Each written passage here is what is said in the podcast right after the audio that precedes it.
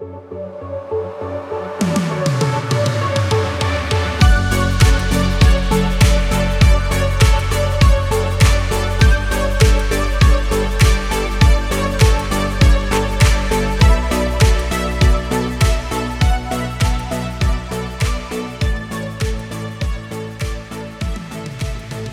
Dzień dobry, witajcie w najnowszym odcinku Starego Gracza. E, nie wiem którym, bo się zgubiłem, pewnie będzie numerek po fakcie. 21? 22 w tym przypadku będzie, bo ten odcinek będziemy publikować później niż następny, który będę nagrywał dzień później. Taka kombinacja alpejska.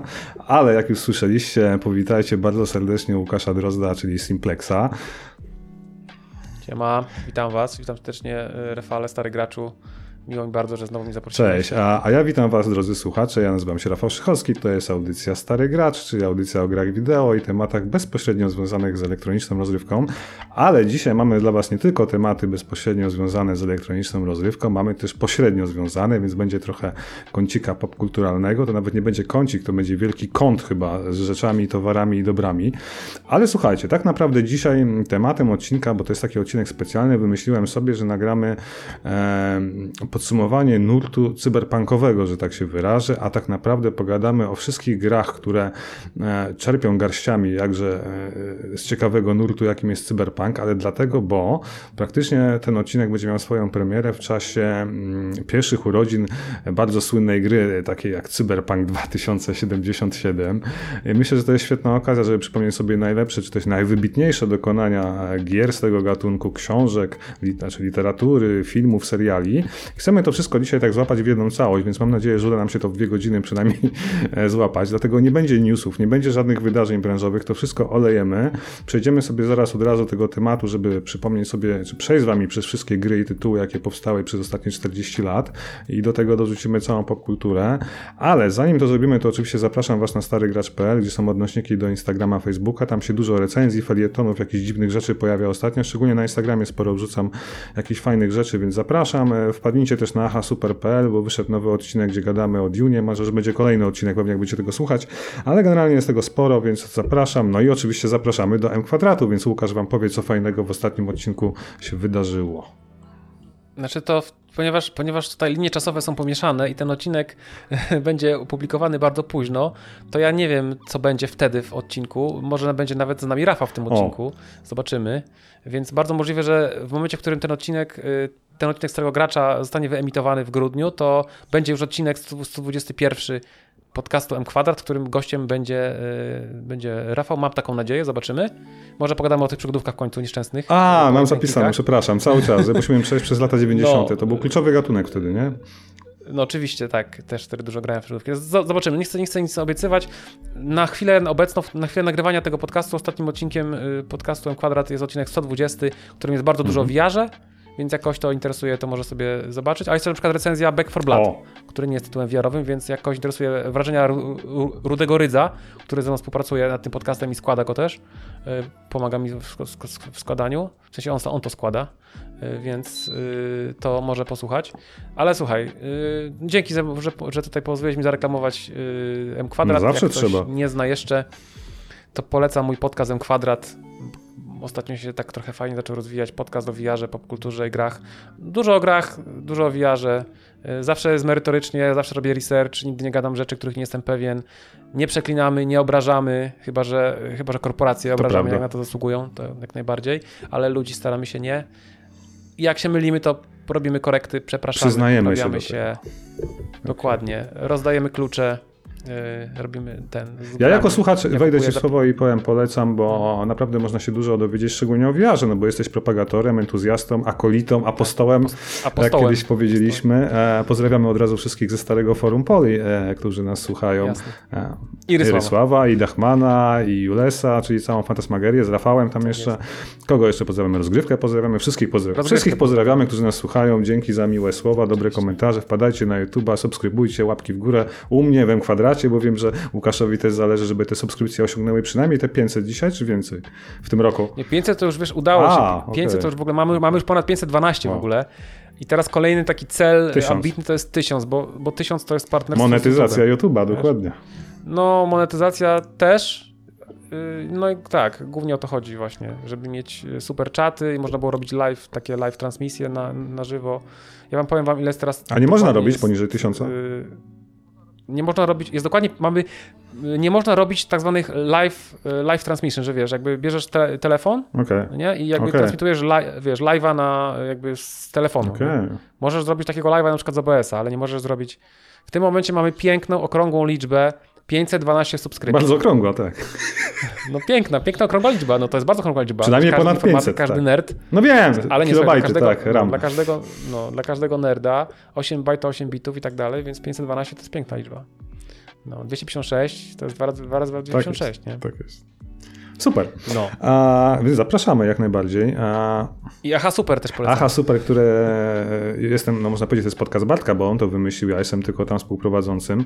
E, polecamy, tak, bo jest dużo popkultury. Tam gadamy tylko o książkach, komiksach, filmach, serialach, e, o życiu, o parentingu. Bartek, Bartek, Bartek Drozdowski to jest przesympatyczny, przefantastyczny Pozdrawiamy, Bartka nie ma właśnie, jak widzicie w tym go- odcinku.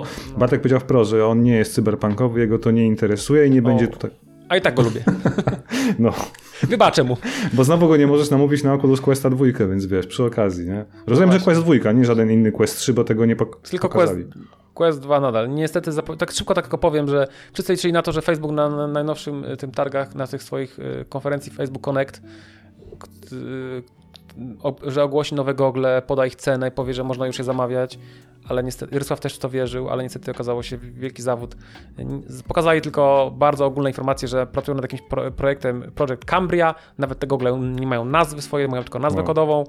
Nic o nich nie wiadomo, być może wyjdą w przyszłym roku, być może nie, nie wiadomo ile będą kosztować. Także teraz nie ma lepszego momentu na wejście w VR. Y, kup, do tej pory kupno gogli Oculus Quest 2 w sklepie Oculusa, oculus.com. Tam kosztują te gogle 349 zł. Nie kupujcie ich na. Allegro albo w jakichś X-komach, bo y, euro. Euro. 349 euro. To jest około 1600 zł. Ostatnio niestety euro wariuje i kurs poszedł do Niestety. góry, ale był taki moment, że to było poniżej 1600 zł. Teraz to jest 1600 z groszami. Polecam też kupno, koniecznie kupno y, przez kartę walutową Mhm. albo y, usługę typu, typu Revolut, bo jak zapłacicie zwykłą kartą w PLN-ach, to bank y, wam policzy taki kurs y, euro, że się nogami Będzie nakryjecie. 2000, okej. No nie, ale na przykład 1700. Mhm. Nie? No to jest dalej, to No dalej można gierkę więcej, kupić, albo 1000, dokładnie. A, mał, a a propos kupowania gierki, to jeśli kupicie te gogle przez kogoś, kto je wam poleci, na przykład ja, albo jakikolwiek inny posiadacz gogli Quest, może wam polecić kupno gogli, przez Facebooka trzeba to zrobić, trzeba go mieć Mhm. znajomych, to wtedy wy i osoba, która poleciła, dostaniecie po 30 dolarów od y, Facebooka na kupno gierek. Czyli można od razu na, na dzień dobry po kupnie Questa już y, mieć pieniądze na kupno jakiejś gry. Brzmi super.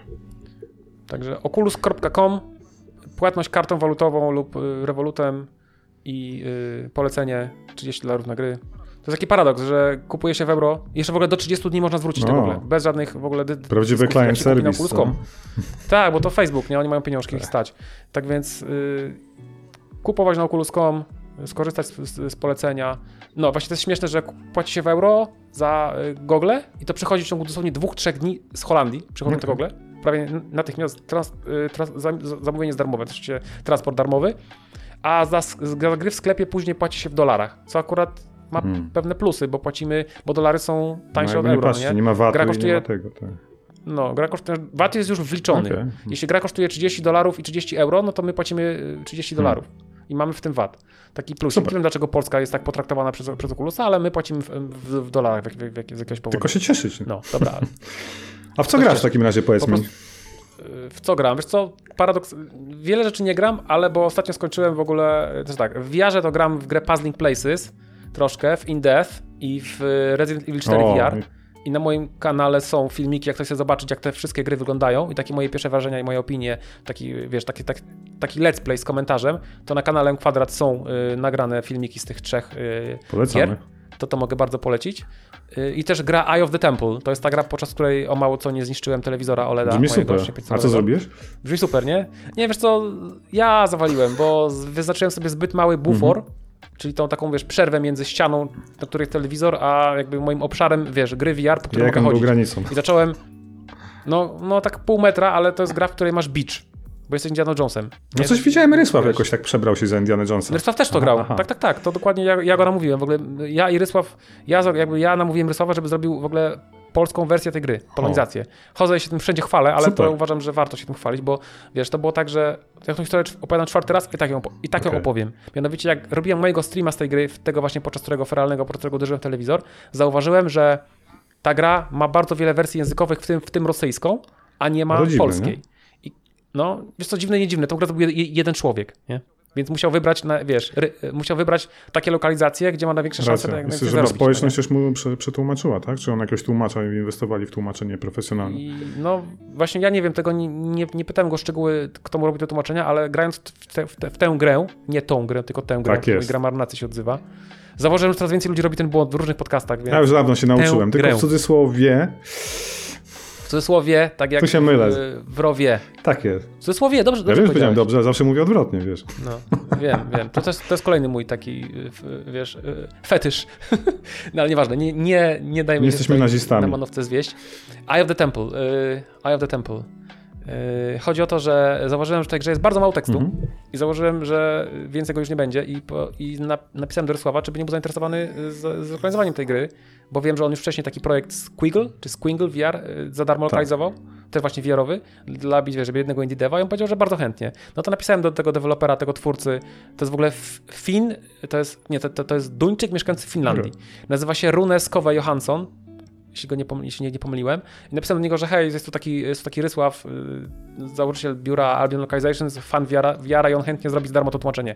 No i, y, no i Rune się odezwał do Rysława, Rysław to tłumaczenie zrobił, Super. ja je sprawdziłem, y, też pro bono, pro publico bono i gra Eye of the Temple ma w tym momencie polską lokalizację. No Dzięki kongratulacje, bo to fajna rzecz, no. No. Warto się chwalić, Pewnie, pewnie. pewnie. Jest, myślę, że warto. Myślę, że warto się chwalić. Jasne. No, więc to, więc to, to z gier wiarowych to, to w to grałem, a z gier niewiarowych to, wiesz, wciągnąłem się w Metroidy. O, I po skończeniu Metroida Dreada, wiesz, wkręciłem się w to uniwersum, bo to był mój, mój pierwszy Metroid. no mój będzie drugi, poszło. wiesz, leży na półce i czeka. W co grałeś wcześniej? E, Game Boy Advance SP i wtedy był chyba Metroid Fusion. Fusion, albo to. Gram właśnie w O. Fusion. Grałem właśnie we Fusion na Nintendo D 3DS-ie. Yy, I mam też już zakolejkowany, wiesz, na Switchu jest ten Super Metroid, no nie? Bo generalnie nie warto, nie warto grać w te pierwsze Metroidy na, na NES-a i na Nie, Game jest straszny Boya, bo one naprawdę się zestarzały, one są, ale na, na, właśnie na szczęście obie te gry dostały re, bardzo dobre remake'i. Metroid Zero Mission Okej. to jest remake jedynki zrobiony na y, właśnie Game Boy Advance. No, a Metroid y, 2, czekaj, Metroid, a Metroid y, Samus Returns to jest y, re- remake dwójki, Okej. zrobiony na 3DS. Ja Wiesz co, ja w ogóle żałuję, że ja nie mam GameCube'a, nigdy nie miałem w sensie. I mia... Wie, Metroid Prime, tak? Tak, Prime, trylogia tam, koko... Ale to wyszło na Wii, to można, na tym można grać na Wii U Też też. nie mam. Na Wii i na Wii U. Nie masz. No to możesz grać na emulacji. To jest tak, wiesz, te, te, konsole są tak poemulowane, jest ten emulator Dolphin. A, okej. Mało tego, stary, można grać w tego Metroida w ogóle w VR-ze. Wow. A coś słyszałem, Istnieją młody, które. No, niedawno na forum o tym taki użytkownik chyba Kosmaty Dziad dopisał. Ja jeszcze się na tym nie. A jak ten, a jak ten rezydent, tak by the way, e, w VR-ze? Rezydent fajnie. Wiesz, jest perspektywa z pierwszej Okej, osoby. czyli jak 7 i 8, Yy, Village. Tak, oni, go, oni, go, oni to przerobili. Bardzo, jest bardzo super zrobiony interfejs, taki, że na przykład, wiesz, nie musisz się schylać po przedmioty, tylko wystarczy, że wystawisz jakby, wiesz, rękę nad, wiesz, nad przedmiot i naciśniesz, że on ci, wiesz, podlatuje do góry, nie? Gdzieś jest to było. E, No, to już było w wielu grach. W, w Half-Life Alex też tak było, bo tam miałeś takie specjalne e, rękawiczki. Wiesz, kiedy zagram w Half-Life. Alex na PS VR No, 2? koniecznie zagraj, musisz, musisz. No, może będzie na PS VR, dokładnie. No, a w, w tym też rezydencie na przykład y, nie trzeba, y, broń ci nie, nie spada, bo w tych pierwszych grach VR, które były realistyczne, to było tak często, że na przykład, wiesz, broń ci wypadała z ręki, musiałeś się po nią schylać. Tutaj jak, jak puścisz broń, to ona po prostu spada do, ka, do kabury i to jest też bardzo fajne moim zdaniem. Nie ma co się, wiesz, nie ma co przesadzać z, tą, z, tą, wiesz, z, tą, z tym realizmem, nie? No. I naprawdę fajnie się strzela do tych wszystkich wrogów. No, jest, no jesteś w tym świecie, no nie widzisz po prostu skalę, nie? Super. Naprawdę fajna, fajny, dobry port, warto. warto A czekasz jeszcze na coś e, w tym roku? Jeszcze tak przed świętami, żeby jakiś hit miał być na VR-a? Jest coś takiego? Wiesz co, chyba. Będzie taka gra After the Fall, która ma być takim koopem, wiesz, taki koop trochę ala Left 4 Dead. Okej. Taki koop czteroosobowy, posta post Back 4 Blood. podczas wiecznej zimy. No, tak, dokładnie. To się nazywa After the Fall, ale powiem ci szczerze, że tak jakoś nie kojarzę, żeby jakieś miały być mega hity jeszcze wychodzić w tym roku. Może, może się mylę, jak ktoś sły- słyszał, to niech to znać, ale jakoś tak mi się nie Ja to wydaje. bardziej ze zwykłych gier w cudzysłowie e, wie. Na Halo Infinite? Tak, Halo Infinity jako fanatyk, wiesz. No ja i, też. I co tam jeszcze wychodzi do końca Jasne. roku? Już nic takiego wielkiego chyba, co? No niewiele rzeczy chyba. Chyba co miało wyjść na Ja wszystko przeszedłem, gram Forza Horizon aktualnie piąteczkę, Mhm. ale to wiesz, ja nigdy nie byłem rajdowy, to dla mnie to jest takie fajnie, pojeżdżę, pooglądam, przełączę się na coś lepszego. E, taka przygodówka Backbone, nie wiem czy kojarzysz, w Game Passie wyszła. Trochę w klimacie komiksu Black Sad z takimi ci- zwierzętami. Czyżby ci polecił Dachman? U nich usłyszałem, tak, e, No. i oczywiście od razu sprawdziłem, bo kocham komiks Black Sad, więc dla mnie to była obowiązkowa pozycja i super się bawię, bo to taki, wiesz, przygodówka w klimacie noir, nie? Wiem, wiem, wiem. To jest w Game Passie. A grałeś w Black Set? E, właśnie nie grałem Black Sada, mam go zaparkowanego. Słyszałem, że dosyć kiepsko zrobili. Znaczy muzyka fajna i voice acting, ale sama gra jest dosyć taka Aha, nie rozumiem. do końca. No, ale pewnie trzeba będzie przejść jako fan. No, wiesz co, mam listę gier, tam mam Life is Strange True Colors, bo ja lubię to, to, to uniwersum. O, fajnie, też chcę to A to na spokojnie, tak wiesz, przyjdą święta, nie będzie w co grać z tych takich Mhm. bieżących, zacznę odrabiać sobie moje, moje, moje backloga. Nie No, ja się może, ja się zastanawiam, czy właśnie Czer- Czarnobylite może Też zagram. tak, mam na liście. Więc jest trochę takich rzeczy, które wiesz, nie były hitami, ale są niezłe, nie? I to czeka. Tak, tak, tak. A jeszcze jest tyle gier w pasie, wiesz, na przykład ta gra y, City, Forgotten Jest, City. to Forgotten City, tak. Rysław mówił o tym, o Rzymie, tak, że się przenosisz do starożytnego Tak, Rzymu. tak. Znaczy nie do Rzymu, tylko do, do, do okresu Tak. starożytnego Rzymu, ale to jest takie, jakieś takie podziemne Tak, miasto, tak, tak. y, które nie jest Rzymem, nie? Się... Rzym w, sensie cywilizacji, Tak, tak, utknęło mi w głowie, że Rzym, dlatego tak. imperium. Dokładnie nie, tak. I no jest sporo tego faktycznie i, No i przyznam ci szczerze, że im więcej ściągam gier z Game Passa, tym bardziej się cieszę, że on jest, tak? I nie rozumiem często Tak, narzekań tak. jakby na to, że jest dużo gier w Game Passie. Super jest to. Ja, ja bym tych Tak. gier Teraz w ogóle, no, nie odkryłbym. teraz w ogóle była, teraz w ogóle była taka, y, taka nowa gra Un Unpacking, taka gra Zen, gdzie się wiesz, rozpakowuje No. Jesus Christ. Nie słyszałeś, Te, ale też ponoć właśnie Słyszałem fajna. o tym, ale to okej. Tam jest fabuła, tam jest, wiesz, to taka gra, właśnie taka gra relaksacyjna. Czasem są potrzebne takie, no faktycznie. No, No dobra, to skoro wiemy w co gramy, to myślę, że musimy No. przejść do tematu głównego, ruszyć, bo faktycznie tego jest sporo Tak dzisiaj, jest. nie? Słuchaj, to może No. zacznijmy od tego, od takiej podstawy, od definicji cyberpunka, czy to jest cyberpunk, cyberpunk po polsku. Będziemy chyba zamiennie używać tych słów, bo one są e, zakorzenione już też u nas w kulturze. E, no to może zacznę od siebie w takim razie, chociaż wypadałoby od siebie, ale, Zacznij- ale czemu zacznij nie? dobrze. Czym dla mnie jest cyberpunk? Dla mnie, słuchajcie, cyberpunk to jest e, opis takiego dystopijnego świata, e, przyszłości, mrocznego, gdzie rządzą korporacje. A tak naprawdę, jeśli spojrzymy na jakieś opisy, no to jest to gatunek fantastyki naukowej, skupiający się na takich negatywnych konsekwencjach funkcjonowania ludzi w otoczeniu zaawansowanej technologii komputerowej i informacyjnej. O, tak bym to określił. I, I myślę, że to, to, to z mojej strony, nie wiem jak z swojej strony, co byś dodał. Tak, ja tutaj dodałbym rzecz istotną, y, moim zdaniem, dla definicji tego gatunku, czyli to, że to jest tak zwany high-tech, low-life. Czyli, że cyberpunk opowiada z jednej strony o świecie, w którym jest bardzo zaawansowana technika, y, która posunęła się bardzo do przodu, ale on skupia się na postaciach z marginesu, postaciach takich y, na przestępcach albo na osobach z jakichś klas wykluczonych, takich biednych, no sam Mhm, nazywa punk. Kim był punk lat 80. Punk to był, była kontrkultura, prawda? To była Tak. subkultura ludzi, którzy odrzucili system, byli anarchistami i tym też się y, cyberpunk bardzo y, para, no bo ci ludzie zwykle próbują w jakiś sposób, chcą często obalić ten, ten system, który rządzi, który jest niesprawiedliwy, bo korporacje zagarnęły, ogromne, boga- bogate korporacje zagarnęły jakby cały, y, jakby, prawda, Mhm, całą władzę. mhm. Państwa upadły, rządzą korporacje. A rządy są marionetkowe, kierują się, tak. tak, kierują się tylko, to zupełnie jak teraz. Troszkę tak. trochę, tak. Żart, nie żart, nie? Y, No. y, I, i, te, i, te, te korporacje kierują się tylko i wyłącznie bezwzględnym, y, bezwzględnym, bezwzględną chęcią zysku, mają swoje armie, mordują ludzi na zlecenie, jakby nie, nie, nie, obejmują ich żadne prawa. Porywają naukowców i tak dalej, i tak dalej. Tak. To tym się No. reklamował Cyberpunk 2077 swoją drogą, ale o tym pewnie na końcu powiemy całej audycji, nie? Oni mieli takie hasło przewodnie low, low, low life, high tech, nie? Z tego co pamiętam. No to właśnie to jest, to jest hasło przewodnie Cyberpunka tak, naprawdę, te, tego całego ruchu, nie? High tech, low life. I to już Gibson o tym... Zaraz dojdziemy. E, no właśnie, czyli samo słowo cyberpunk, ja sobie to zapisałem, nie będę ukrywał, że nie jestem taki mądry, żeby pamiętać te wszystkie rzeczy, ale zapisałem sobie, że był taki autor Bruce I on Tak. napisał pierwszy raz, w zasadzie użył słowa cyberpunk, a było to połączenie dwóch słów. To był punk, czyli taki gówniarz, e, chuligan, bo dosłownie to punk oznacza, nie? Mhm, to śmieć nawet, tak, tak, e, tak. Ze słowem cyber, no bo chodziło to było bardzo słabe opowiadanie, nie polecam. E, chodziło o ukazanie życia właśnie takich ludzi z marginesu, którzy asymilują się coraz bardziej z technologią, a są nic nie warci dla systemu, dla społeczeństwa. No i to słowo, jak widać, zatrybiło. Cyberpunk zostało z nami do dzisiaj.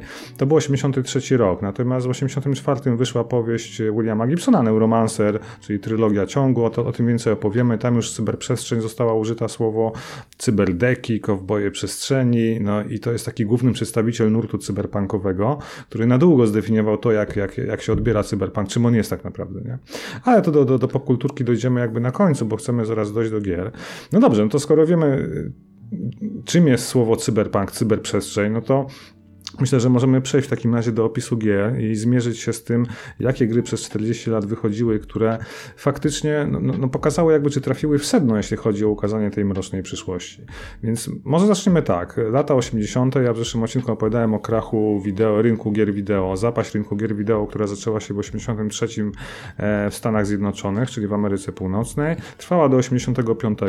Tam było sporo zmiennych, które na to wpłynęło, no ale generalnie niesamowita ilość słabych gier, krapów, brak jakby, mm, nie chcę powiedzieć lojalności, to też brak, brak zaufania, tego słowa mi brakowało, do producentów gier, powodowało, te gry przestały się sprzedawać, tam był ten słynny KZit i tak dalej, to już mi przerabiali, odsyłam do poprzedniego odcinka o latach 80. z Rysławem, ale zmierzam do tego, że w 85. była premiera pierwszej konsoli Nintendo, czyli NES e, i zwanego Famiconem i oczywiście Sega Master System.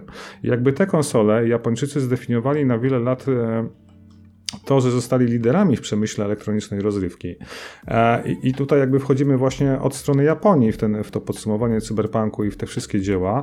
Więc zaczynamy od końcówki lat 80., kiedy już konsole były, no chciałem powiedzieć, umocowane. To można powiedzieć, że były już w miarę rozpowszechnione w domach i nie było to nic dziwnego, są dedykowane maszynki, no bo już pod koniec lat 70. mieliśmy przecież te wszystkie cuda od Intellivision, Coleco, Atari i tak dalej, i tak dalej. Ale generalnie Japończycy przejęli pałeczkę, tak jakby chciałem podsumować ten ten akapit. E, więc tak, słuchajcie, w 88 roku, 1988, żeby nie było, prawda, e, pojawiła się pierwsza gra z tego gatunku, to był Neuromancer. O dziwo, mało kto o tym chyba pamięta, że Neuromancer faktycznie miał swoją grę. Była to no, dosłownie adaptacja kultowej powieści Williama Gibsona, która trafiła na sporą ilość sprzętów, no bo to nie był tylko, w zasadzie to były komputery 16-bitowe, ale też 8-bitowe, bo... bo Proszę tak? przerwę, mów, mów, jasne, ale, się. bo ja właśnie teraz wyszukałem, słuchaj, wpisałem do Google First Cyberpunk Game. I według Księgi Rekordów Guinnessa pierwszą grą cyberpunkową jest gra Cyborg, wydana w roku 1982. Jest to tekstówka. O, no proszę. I, i słuchaj, y, jest w ogóle tutaj napisane, że gracz musi znaleźć źródło energii po tym, jak połączył się z sztuczną inteligencją i Podobno ta gra była inspiracją dla takich gier jak Syndicate, Shadowrun, I Have No Mouth and I Must Scream, Bioforge i Deus Ex. A to ciekawe, nie? Bo w zasadzie jedyne chyba, co, co, co można by mm, tą grę połączyć z cyberpunkiem, to jest ta sztuczna inteligencja i asymilacja z nią, nie? No bo to jest jakby siła przewodnia. Internet, AI, zbuntowane sztuczna inteligencja. Jasne. Ciekawe. Wiesz, ja jakby ja niestety, wiesz, ja też uważam, że taką najbardziej znaną grą pierwszą jest, wiesz, jest ten, te, jest ten, jest ten faktycznie ten Neuromancer, ale faktycznie... Y, Znaną, ale to nie była dobra gra. Miały wcześniej, na przykład były adaptacje Blade Runnera, czy gra na podstawie takiego serialu Max Headroom.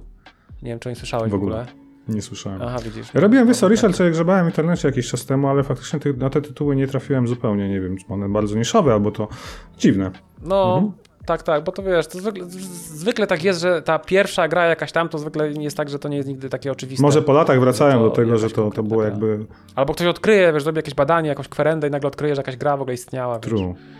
Tak, ja... No, ale okej, okay, ale faktycznie myślę, że taki Neuromans takich znanych gier, których ktoś miał szansę słyszeć, na przykład ja słyszałem o niej, to jest właśnie ten, y, to jest właśnie y, ten, ten Neuromancer, ale ta gra, no to był ten moment niestety... Krapów. Y, gra, znaczy krapów ta gra na PC, a w latach 80. PC nie był do gier. No nie, nie. Nie było 250 kolorów, był bzyczek, były jakieś karty CGA, EGA, Tandy, które miały po 5 kolorów albo mniej i te gry wyglądały po prostu, one tak wyglądały brzydko one się po prostu bardzo źle zestarzały, one się teraz nie nadają do grania.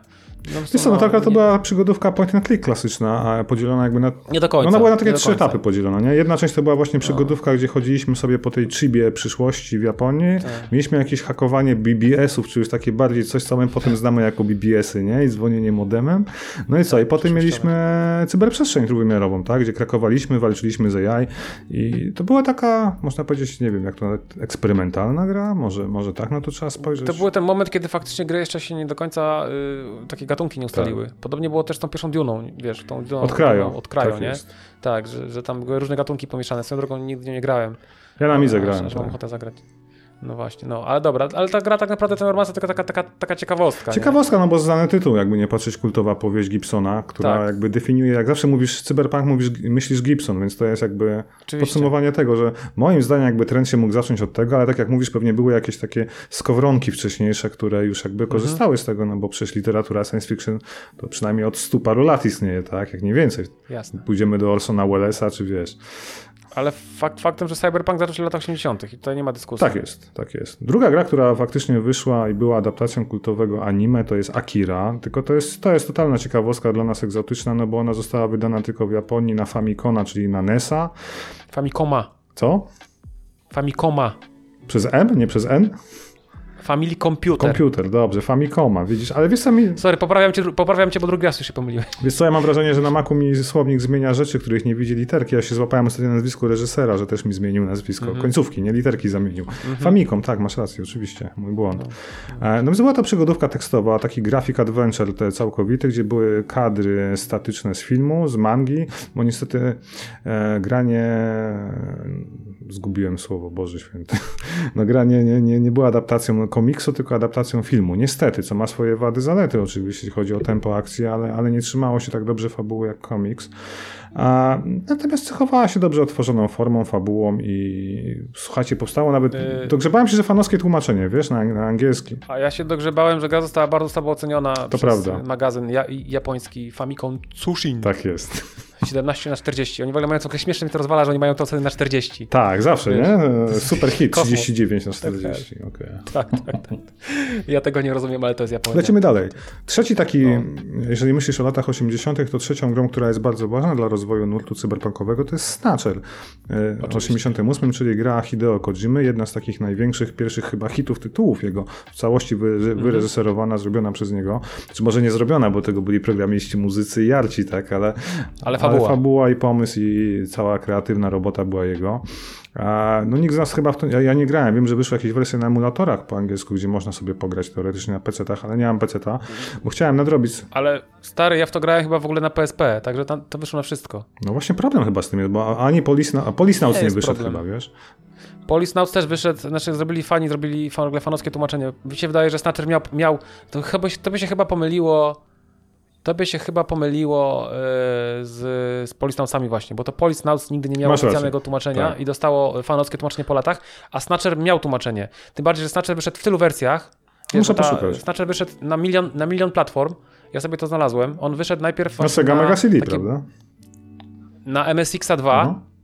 Na Sega Mega CD wyszedł, wiesz kiedy? W 94 roku. A, bo to była dostawka Ja do Mega Drive'a. i się mądrze. No tak, tak, tak, Ta gra wyszła najpierw w ogóle na takie dziwne japońskie pecety, na taki NEC, NEC PC 8801 Okej. i na MSX 2 i na PC Engine Super CD-ROM. Turbograf FX, tak.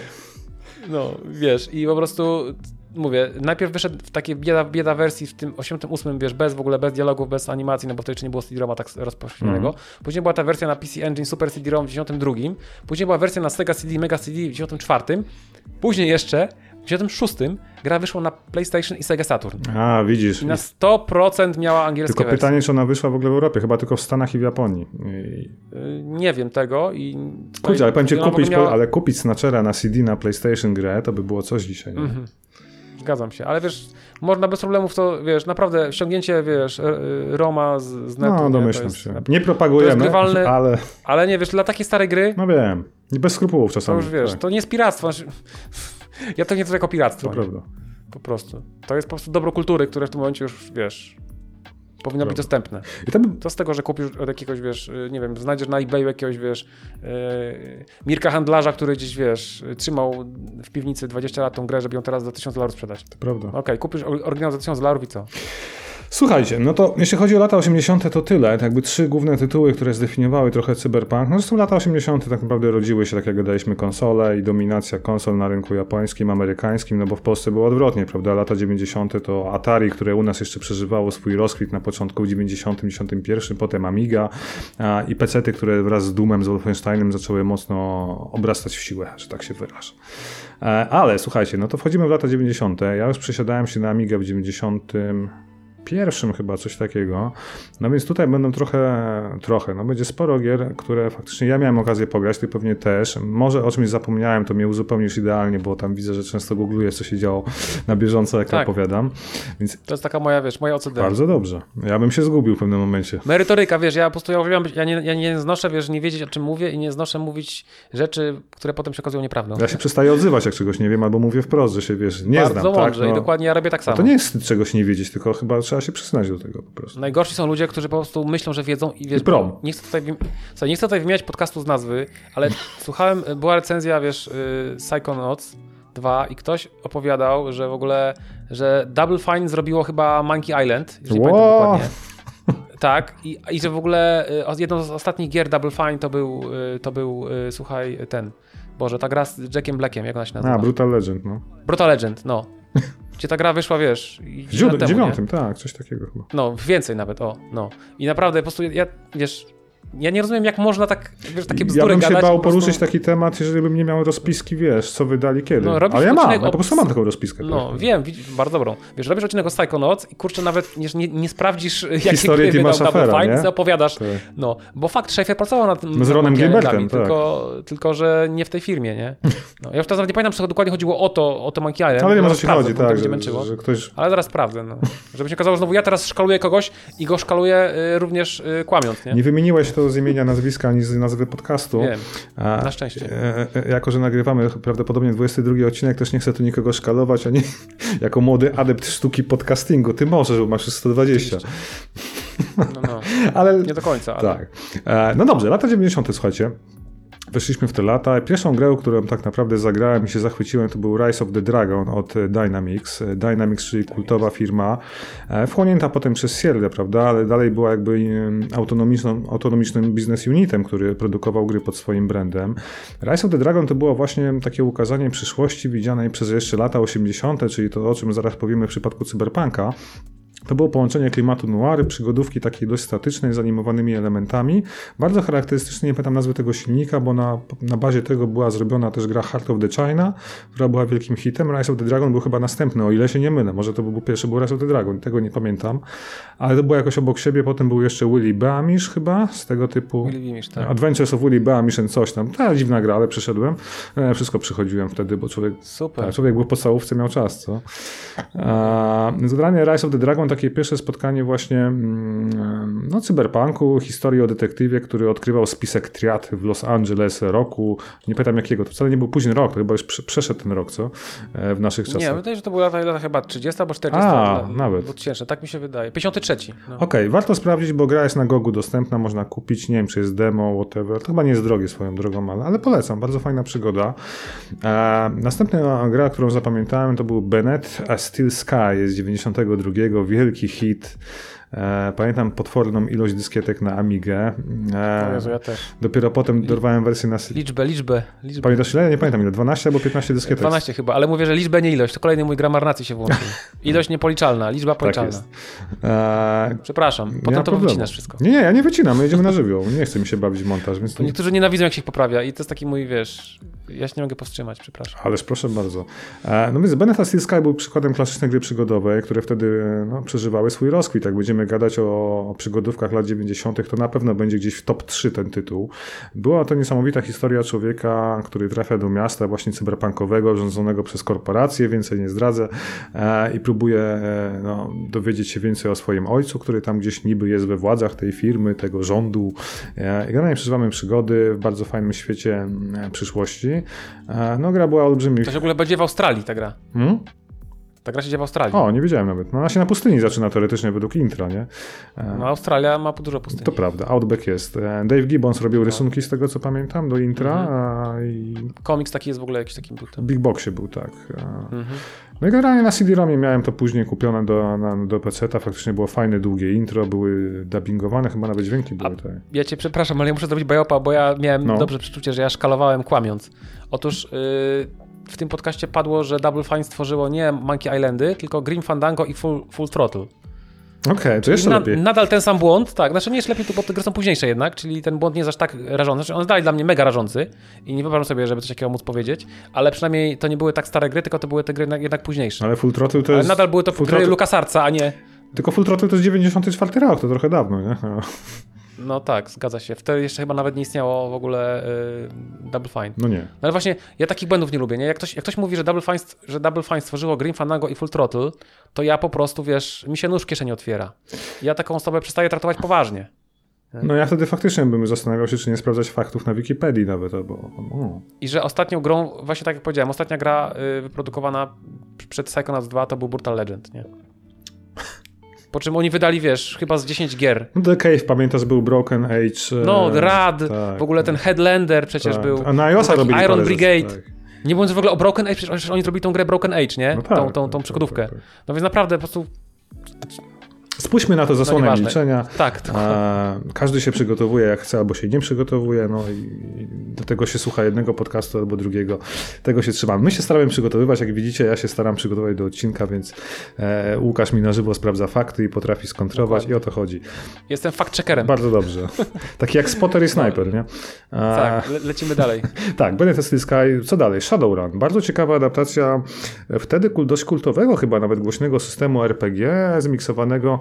E, Shadowrun to było taki, słuchajcie, miks RPG, ale były elfy, jakieś takie stwory baśniowe rodem z fantazy, zmiksowane właśnie z tym cyberpunkiem, czyli z broniami, z przyszłością, z mrocznym miastem, z dystopią. To było fajnie, nie wiem, czy grałeś kiedyś w RPG takiego papierowego, nie? Nie, nie, nie niestety nie przyznaję. To wymyśliła Fasa. Fasa swoją drogą chyba robiła Battletecha, jeżeli się nie mylę, teraz mogę strzelać. Ale to była jedna z tych marek, która no, zawładnęła wtedy Ameryką, Japonią. Oni w 93 wydali na SNESa właśnie Shadowruna i to był duży hit. Potem wrócimy do Shadowruna, bo on się przewija przez te dekady. On jakby nigdy nie osiągnął tego takiego sukcesu, no, jaki chyba był mu należny, nie? A, ale warto odnotować, że, że, że jednak miało swoje odzwierciedlenie w grach komputerowych, grach konsolowych. Kolejna rzecz, najbardziej kultowy tytuł wszechświata, czyli Syndicate, 93 O, rok. No jak tam Syndicate? Na, Grało się na Midze. na Midze, co? Ale na Midze to strasznie. Ja to grywa. To wachlowanie dyskietek. To intro mnie. To Do intro, dzisiaj, prześladuje To intro, mi mózg, to intro mi mózg zlasowało. Jest, nie, nie, to intro było niesamowite. Ja tak prze... Nie, to naprawdę, ta gra mi się wydawała w ogóle, wiesz, ja wierzyłem, że tam jest jakiś taki talny, talny świat, wiesz, żyjący, nie? Wcale nie był, nie? Ale to, że można było chodzić po tym mieście i tam w ogóle strzelać, Wiesz, ale te- samochodów wsiadać. Ale te misje, że niesamowitego. misje z zamachem, gdzie był jakiś tłum i niby ktoś przemawiał, tak? I ty strzelałeś. Tak, i Niesamowite. Alboś tam kogoś, alboś na przykład kogoś tam persładować. Perswazja. Perswadatron. Tak, tak, tak. Tak, perswazja i tam się komuś tam przejmowało. No naprawdę, kurczę, ja nigdy tej gry nie skończyłem, bo ona była trudna. Strasznie trudne było. I się te, te kończyny wymieniało, nie? Coraz bardziej się agenci cyborgizowali. No właśnie, nie? nie wiem, czy ktoś Ja nie wie, pamiętam- czym, kto, czym jest syndykat. Trzeba mówić, że to jest izometryczna strategia o czterech cyborgach, którzy mają do wykonania misję, tak? Nawet nie wiem, czy strategia, czy nawet nazwanie tego strategią jest, nie jest trochę na wyrost. RTS Gra akcji. taktyczna. Gra tak taktyczna, taki jak laser, skład i reszta, tylko W czasie, ale w czasie rzeczywistym. Dokładnie. I tu się bardzo liczyła jednak, wiesz, yy, zręczność. Bardzo. Ja pamiętam. I refleks. Tak. Szczególnie jak Bardzo. inni agenci do siebie przychodzili z miniganami. to... O, o, panie, tak, to było co. A pamiętasz Gauss Gun? Gauss Gun i... Już z Gaussgana wiem, że był, ale już co się działo. I wiem tylko, że tak fajnie te samochody się paliły. Potem można było je po- rozwalać, tak, podpalać. tak. I na przykład siedziałeś sobie w samochodzie, po czym przychodził agent z, z miniganem, strzelał do samochód i samochód wybuchał i ty ginąłeś natychmiast w środku, nie? Ja pamiętam, że zarwałem pierwszy raz w życiu tyle nocy przy tej grze na Amidze, że do dzisiaj to pamiętam. Wow. Tak. A ja tylko też pamiętam, że wciśnięcie naraz dwóch przycisków lewej i prawej da dawało taki tryb, wiesz, adrenaliny. Pamiętasz O, takiego? no właśnie nie pamiętam, ale Było. pamiętam, że było coś takiego. Tak. I... Tak mi się wydaje, że to, tak mi się, a może się mylę, że to, tak mi się wydaje, że to były dwa przyciski myszki, ale już teraz to głowy nie No generalnie jak zwykle już wtedy było widać, że na PC można robić lepsze gry, no bo intro do, do Syndicate'a na PC było dłuższe i fajniejsze. A nie mów mi nawet, nie wiedziałem nawet o No tym. zobacz sobie przy okazji na YouTubie jest. Nie to amigowe, wiesz. Już Wtedy z, też z- nie wiedziałem, ale potem zobaczyłem na PC już inaczej patrzyłem na Amigę, nie? Tak jak Another World było dłuższe na PC, wiesz. Były tam dodatkowe poziomy. Na, A, Another no World. tak, masz rację, faktycznie. Też. No, no to już Amiga była niestety No generalnie Syndicate co? Niesamowita gra. No. Co tu można więcej dodać? No, wielki Bullfrog. hit początku lat 90. Bullfrog na Tak. piedestale, najlepsza firma deweloperska. E, wtedy chyba już Tak. po tym kupił ich Electronic Arts, jeżeli się nie mylę. E, I wiadomo, co zrobił, nie? Strzelił w, w, tył głowy. No w 97 roku wyszedł Syndicate Wars, który niestety nie spotkał się z takim uznaniem. Syndicate Wars miał dużo problemów, no bo tak, był przede wszystkim w pełni trójwymiarowy, grafika była nieczytelna, tam można było się zgubić od samego operowania No. Dokładnie. kamerą. E, Była kiepska fabuła, mało ciekawe misje, no co jak na taką grę jednak to było niewybaczalne. Zobaczcie na YouTubie, warto zobaczyć, nie na pewno nie no, nie ma kupować. szczęścia Syndicate, bo tak. Przejdziemy zaraz jeszcze później do tego. Wrócimy. Tak, była jeszcze próba odświeżenia marki Syndicate, zupełnie nietrafiona, a, ale zaraz do tego wrócimy. E, co dalej ciekawego? No ja mam Bloodnet, pamiętasz taką przygodówkę? Grałeś to? Wiem, ona była, to była przygodowa, przygodówka RPGowa, gra przygodowa RPGowa i ona była mega trudna, ona była po prostu tak, ma, microprose. Tak, ja przeszedłem to tylko z Ta gra- opisem na kolanach, O, wiesz. no, no nie dało się tego przejść bez opisu. Inaczej, horror, horror o wampirach po, w połączeniu z cyberpunkiem. Co tu więcej dodać tak naprawdę, Tak. nie? I to, to było ciekawe. Ja ci powiem, że ja nie wiem, czy to jest czy bazowało na jakimś systemie, czy to była autorska wizja Microprosa. Chyba autorska, ale w ogóle, w ogóle, w ogóle w Wikipedii to jest w ogóle e, traktowane jako RPG tak naprawdę w dużej mierze. Wiesz co, no bo tam było dużo augmentacji bohatera i, i, i, i, więc to jest jakby definicja Kurczę, cyberpunku. ta gra nawet na Amigę wyszła, aż. Naprawdę? No to nie wiedziałem. Tak, przeczytałem. Wikipedia, nie? Moim przyjacielem. Chyba kiedyś wiedziałem. mówił, że to było na też jakieś ilość dyskietek razy naście. E, Ja tego na pewno na Amidze nie odpalałem. Przynajmniej Ja tak nie wiem, czy on z Energikiem miał audycję, nie o tym nie gadali. A tak mi się coś z tyłu głowy świta teraz. Ale ta gra nie była jakoś super, wiesz, mega super dobrze przyjęta, bo ona miała, swoje, ona miała dużo problemów. W sensie, nie wiem, no. Trudna była bardzo i bardzo łatwo było się chyba zablokować w ogóle, wiesz, jakby utknąć, nie? To prawda, no ale warto odnotować, że już w 93 wiesz, Microprose takie rzeczy wypuszczał. Nie? No i ten motyw wa- wampiryzmu, nie? To było ciekawe, że- bardzo ciekawe. No. Co dalej? Kolejny wielki hit, który nas zaatakował z nienacka pewnej pięknej jesieni, to był chyba System Shock. Pierwsza część, 94 rok. Gra z dzisiejszego punktu widzenia już bardzo klasyczna, legendarna. Kiedy ja... Niegrywalna. Niegrywalna, tak. Powstaje rem... Sterowanie. Ona miała sterowanie już wtedy bardzo tu. Słuchaj, powstaje remake, tak? Remaster, który ciągle nie może wyjść z jakiejś... Powstaje remake i zapowiada się dobrze. A on wychodzi z jakiejś fazy, czy tam coś się działo, że jakoś... Tak, bo z nim, z nim były bardzo duże kłopoty, bo to było, ja mogę tak szybko powiedzieć. No. Oni zebrali na Kickstarterze kasę, ten Night Dive Studios, to ci goście co robią te różne takie remastery, A, remake. Blade Runnera robią, będziemy o tym mówić przecież. No, no, no. No i właśnie słuchaj, y, z- zapowiedzieli, że będzie, wiesz, bardzo wierny, bardzo wierny taki y, ten remake, taki aż, że prawie, że do, do pikseli. I później coraz bardziej zaczęli odchodzić od tej oryginalnej wizji. Chcieli z tego zrobić jakąś grę taką jakby swoją. I, i, i ludziom się to bardzo nie spodobało, że oni jakby zdradzili ten, ten koncept i jakby nie, to nie jest to, za co oni, za co oni y, w- płacili na Kickstarterze, Okej. po czym oni zrobili coś w rodzaju re- rebootu, przeprosili, powiedzieli, że gra zostanie opóźniona na nie wiadomo ile, ale oni jakby wracają do, wiesz, do korzeni, do deski kreślarskiej, tak, i od nowa jakby robią to. I faktycznie jak, jak po długim okresie, już niektórzy w ogóle, wiesz, położyli na nich kreskę, że w ogóle koniec, to nigdy nie wyjdzie, anulowali to i tak dalej, to były clickbaity. I, yy, I jak wyszła taka, yy, jak, takie demo, parę, nie wiem, czy to było miesięcy, czy już Mhm. lat temu, yy, to ono faktycznie pokazali, że oni faktycznie wrócili do, do tych korzeni i zapowiada się to dobrze i to czuć, że to jest ten duch tego oryginalnego System w, w tym jest. Czyli warto wiesz- czekać. Nie ma, a jak jakaś data premiery w ogóle, czy nie? Nie ma, Aha. nie ma chyba, ale System Shock jest w ogóle ciekawy, bo System Shock tak, nie dość, że powstaje ten remake jedynki, powstaje coś w rodzaju remastera Definitive Edition Okej. y, dwójki, też robi go to Night Dive, a oprócz tego podobno Warren Spector pracuje nad trójką. pracuje tak. nad trójką, Słyszałem. ale też tutaj plotki różne mówią, że stu- studio w ogóle zostało wiesz, rozgonione, że nie mają pieniędzy, tak, i nie wiadomo właściwie, nikt, nikt, ta gra nie została nigdy oficjalnie anulowana, ja więc ja cały czas wierzę, że ona wyjdzie. No. No właśnie. I, i, I czym był System Shock? No to był gra o hakerze. Przede wszystkim środowisko pełne 3D. W 1994 roku to nie było Tak. spotykane, bo mieliśmy przeważnie... Znaczy ono nie było pełne 3D, bo postaci, były, że tam były, tam były sprite'y. Tylko Tak. chodziło o to, że tam można było patrzeć, wiesz, góra-dół. To, to było Tak, niespotykane. bo normalnie było 30 stopni, albo jak w Heretiku, w Hexenie, czy Tak. w Dark Forces, czy w takich typu, typu grach, nie? Po... A w, a w Dumie w ogóle, nie? A tutaj Tak. wyszła, gra w zasadzie chyba w roku, rok, rok po Dumie, gdzie mogłeś patrzeć góra-dół jak chciałeś. Nie? Chociaż pamiętaj, że był Terminator Future Shock też równolegle, który był w był. pełni 3D, nie? Ale, ale był brzydki, no nie ma co ukrywać. No nie? właśnie. No. Więc generalnie wszystko powiedzieliśmy o System Shocku, wspaniała gra, fajna historia, zagrywałem się, chyba każdy się zagrywał wtedy. Znaczy teraz jest w ogóle taka wersja trochę odnowiona, która ma trochę lepsze sterowanie. A, okej. Także... A to można kupić gdzieś na Gogu, czy coś? Nie. Tak, na Gogu i na Steamie, okej. tak, tak. To właśnie Najdev zrobił. No a Future Shock wyszedł jednak, wiesz, Future Shock jednak wyszedł rok później. Ja się też 95, zagrywałem, okej. ale ta gra, 95, no. I tak. Tam były fajne dodatki, Skynet były coś jeszcze, nie? No, no, by, by, nie, fajna gra. Bardzo dobra. Tak, Co dalej na tapecie mamy? Dreamweb, pamiętasz coś takiego? tak, oczywiście, grałem na Amidze, panie. Na Amidze, bo na PC. Pamiętam, że ten szok taki, że wiesz, widok z góry, wiesz, każdą rzecz No właśnie, podnieść. Mogłeś zobacz, kubek podnieść, mogłeś... Problem jest taki, że wiesz, ten widok z góry był mocno krytykowany przez graczy recenzentów, gra dziwna, cholernie niepokojąca, bo atmosfera Tak. mi się trochę kojarzyła bardziej bardziej z, z horrorem niż z cyberpunkiem. Bo, Właśnie, właśnie ona tak nie na, na końcu cyberpunkowa mi się wydaje. bo to była taka historia barmana, To, że... że tam deszcz pada, to nie znaczy, że to jest cyberpunk. Nie, ale wiesz co, no bo tak, mieliśmy tak, historię barmana żyjącego w dystopijnej przyszłości, pogrążonego w pewnej formie, on był pogrążony w takiej pewnej formie psychozy, nie? Nie? I miał jakieś majaki. I to była rzecz ciekawa. Może masz rację, może to nie jest super cyberpunkowa rzecz, ale możesz przy okazji rzucić okiem, co tam piszą o tej grze. to robię. Mi się wydaje, że to była przygodówka właśnie przez tą dystopijną przyszłość, dlatego ją zakwalifikowałem. Nie dobra, Wi- Wikipedia twierdzi, że, że ten, że jednak y, cyberpunkowa, czyli... Czyli trochę skojarzyło mi się, dobrze. okej. Dobrze się skojarzyło, dobrze skojarzyło. Wyszła też druga część, w dwójkę chyba nie grałem niestety, a bo to Ja w ogóle nie wiem, że chyba nie wiem, czy wyszła dwójka, nie kojarzę, żeby była. Chyba nie. możesz spotować. Wydaje mi się, że Nie, nie, nie, że była nie. jedynka tylko, tak? A gra, ale nie, nie było, ale gra jest za darmo, Dark Seed może cię pomyliło, ale gra jest za darmo, Dark Seed miał sequela, ale Dreamweb jest dostępny za darmo na y, ten, na ScamVM, na ScamVM, O. wiesz to ScamVM, nie? Ten, Ten ten, emulator gierek. ta, maszyna wirtualna, tak. Co? Super, w ogóle super rzecz. ScamVM, sycy umymy VM, czyli wirtualna maszyna jest za darmo do ściągnięcia Dreamweb. W ogóle Dreamweb też dostał, Dreamweb w ogóle miał wersję y, CD-ROM, na której był, y, wiesz, Tam, był, tam była muzyka, ale czekaj, kto zrobił No muzykę? i były, nie wiem, Depeche Mode czy też, jest? Nie. były też dialogi. Nie sądzę, ale być może. Były też dialogi w ogóle, ale dialogi były fatalnie nagrane. To było takie, wiesz, totalna motorka. Także nawet nie wiem, czy ta gra bez dialogów jest lepsza, nie? Kurde. Dosłownie. A, moje marzenie nagrać takie dialogi. A, Nie, to były dialogi, wiesz, na zasadzie, to były dialogi na zasadzie jak z, z Teen Agenta, nie? Nie. Muzykę zrobił Matthew Seldon, więc nie, nie znam go.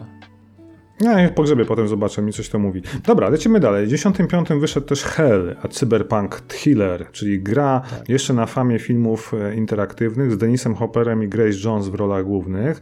Całość, całość była wyrenderowana w 3D, przerywniki też, więc ci aktorzy wyglądali co najmniej dziwnie. E, cholernie dziwna gra, no bo fabuła była taka, Tak. że w cyberpunkowej przyszłości rząd odkrywał piekło, więc postanawiał kontrolować dostęp do niego, nie? I mieliśmy dziwne postacie, dziwną grę, dziwną fabułę. Ja szczerze mówiąc zawsze patrzyłem na opisy recenzji tej gry, mnie to interesowało, ale nigdy nie zagrałem, nigdy nie kupiłem. Ja też, ja tak samo, ale tam wiem, że tam było takie bardzo renderowane, tam było takie, pre, Takie straszne, prerenderowane. tak, tak, tak, No. tak, tak, tak, tak, tak. To była dziwna gra. Ale była. Też ciekawe, że ten motyw wampiryczny się powtarza, że, raz, że tutaj był, że tutaj był... A tu satanizm, y, nie? Albo... Tak, satanizm, tam wampiryzm, jakoś tak ten cyberpunk lubi być łączony właśnie z, z takimi okultystycznymi motywami. Zresztą w, cyber, zresztą w Dreamwebie też był motyw okultystyczny, No tak. prawda? Więc, więc to jest dziwne. Ale ten, to był mroczny czas y, gier wideo, kiedy próbowały być filmami interaktywnymi, to... to... No właśnie, takim łabędzim śpiewem, czy też przedstawicielem tego gatunku jest kolejna gra, czyli Johnny Mnemonic, The Interactive Action Wiesz, Movie. ja nawet nie wiedziałem, że ta gra powstała. No to posłuchaj. W 95 wyszła gra, która oczywiście była nakręconym jakby równolegle do tego, co było w kinach, bo wtedy w kinach był Johnny Mnemonic z Keanu Reevesem, Ice-T, Mhm. tam wysokobudżetowa produkcja, która Wiem. bazuje oczywiście na opowiadaniu Williama, Williama Gibsona o tym samym tytule. Więc wypuścili grę, która miała zupełnie oczywiście aktorów klasy Z albo Y. E, Ale przepraszam, tam grała modelka Penthouse'a, Julie Strain. A Julie Strain, no to to jest kultowa postać z heavy metal. Mi Przecież. nieznana, widzisz? Tutaj ja się nie znam. Julie Strain się wciela w heavy metal, heavy metal Fuck 2 Tak. i w paru innych fajnych filmach grała. Ona jest Była niesamowita. Penthouse Pet of the Month w 91 93 A Ona grała, zobaczę, jest paru gra, w Heavy Metal grze też grała zresztą. Ale wracając do Johnny Monika, no gra była zmiażdżona przede wszystkim przez to, że to był film, gdzie mogłeś na... No, inaczej, cierpiało to na syndrom Dragon's Lair, że miałeś moment, gdzie trzeba było zrobić, wiesz, przycisk jeden wcisnąć lewo, prawo, góra, dół albo akcja, żeby udało się puścić film dalej, pójść do przodu, albo był game over, nie? I w ogóle nie było grania, w zasadzie film, gdzie było nałożone jakieś tam niby interaktywne przyciski. A, no coś strasznego, to nawet nie trzymało się kupy, jeśli chodzi o to, co było w książce i w filmie fabularnym kinowym. Ale warto wspomnieć, wiem, że Energik strasznie się rozpływał nad tym.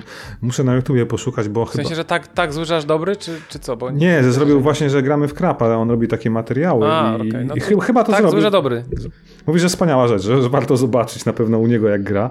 E, Okej. Chyba on zrobił, muszę zobaczyć, bo nie, nie pamiętam, ale sprawdźcie, bo myślę, że warto zobaczyć to na żywo. To jest coś strasznego, bo ja- jak, właśnie, jak ty masz z tymi filmami interaktywnymi? Ja lubiłem ten moment, kiedy wychodziły takie przemyślane rzeczy jak Reaper, przygodówka Black Dahlia, nie? Under a Killing Moon, takie rzeczy, gdzie faktycznie e, no, było dużo filmów fajnych aktorów, ale jak miałeś prawdziwą grę, nie? I, i przygodową, Tak. gdzie to był pomysł, ale takie interaktywne filmy to ja chyba pamiętam Harvestera był dziwny i Urban Runner, Urban House, Urban Runner chyba. Takiego było.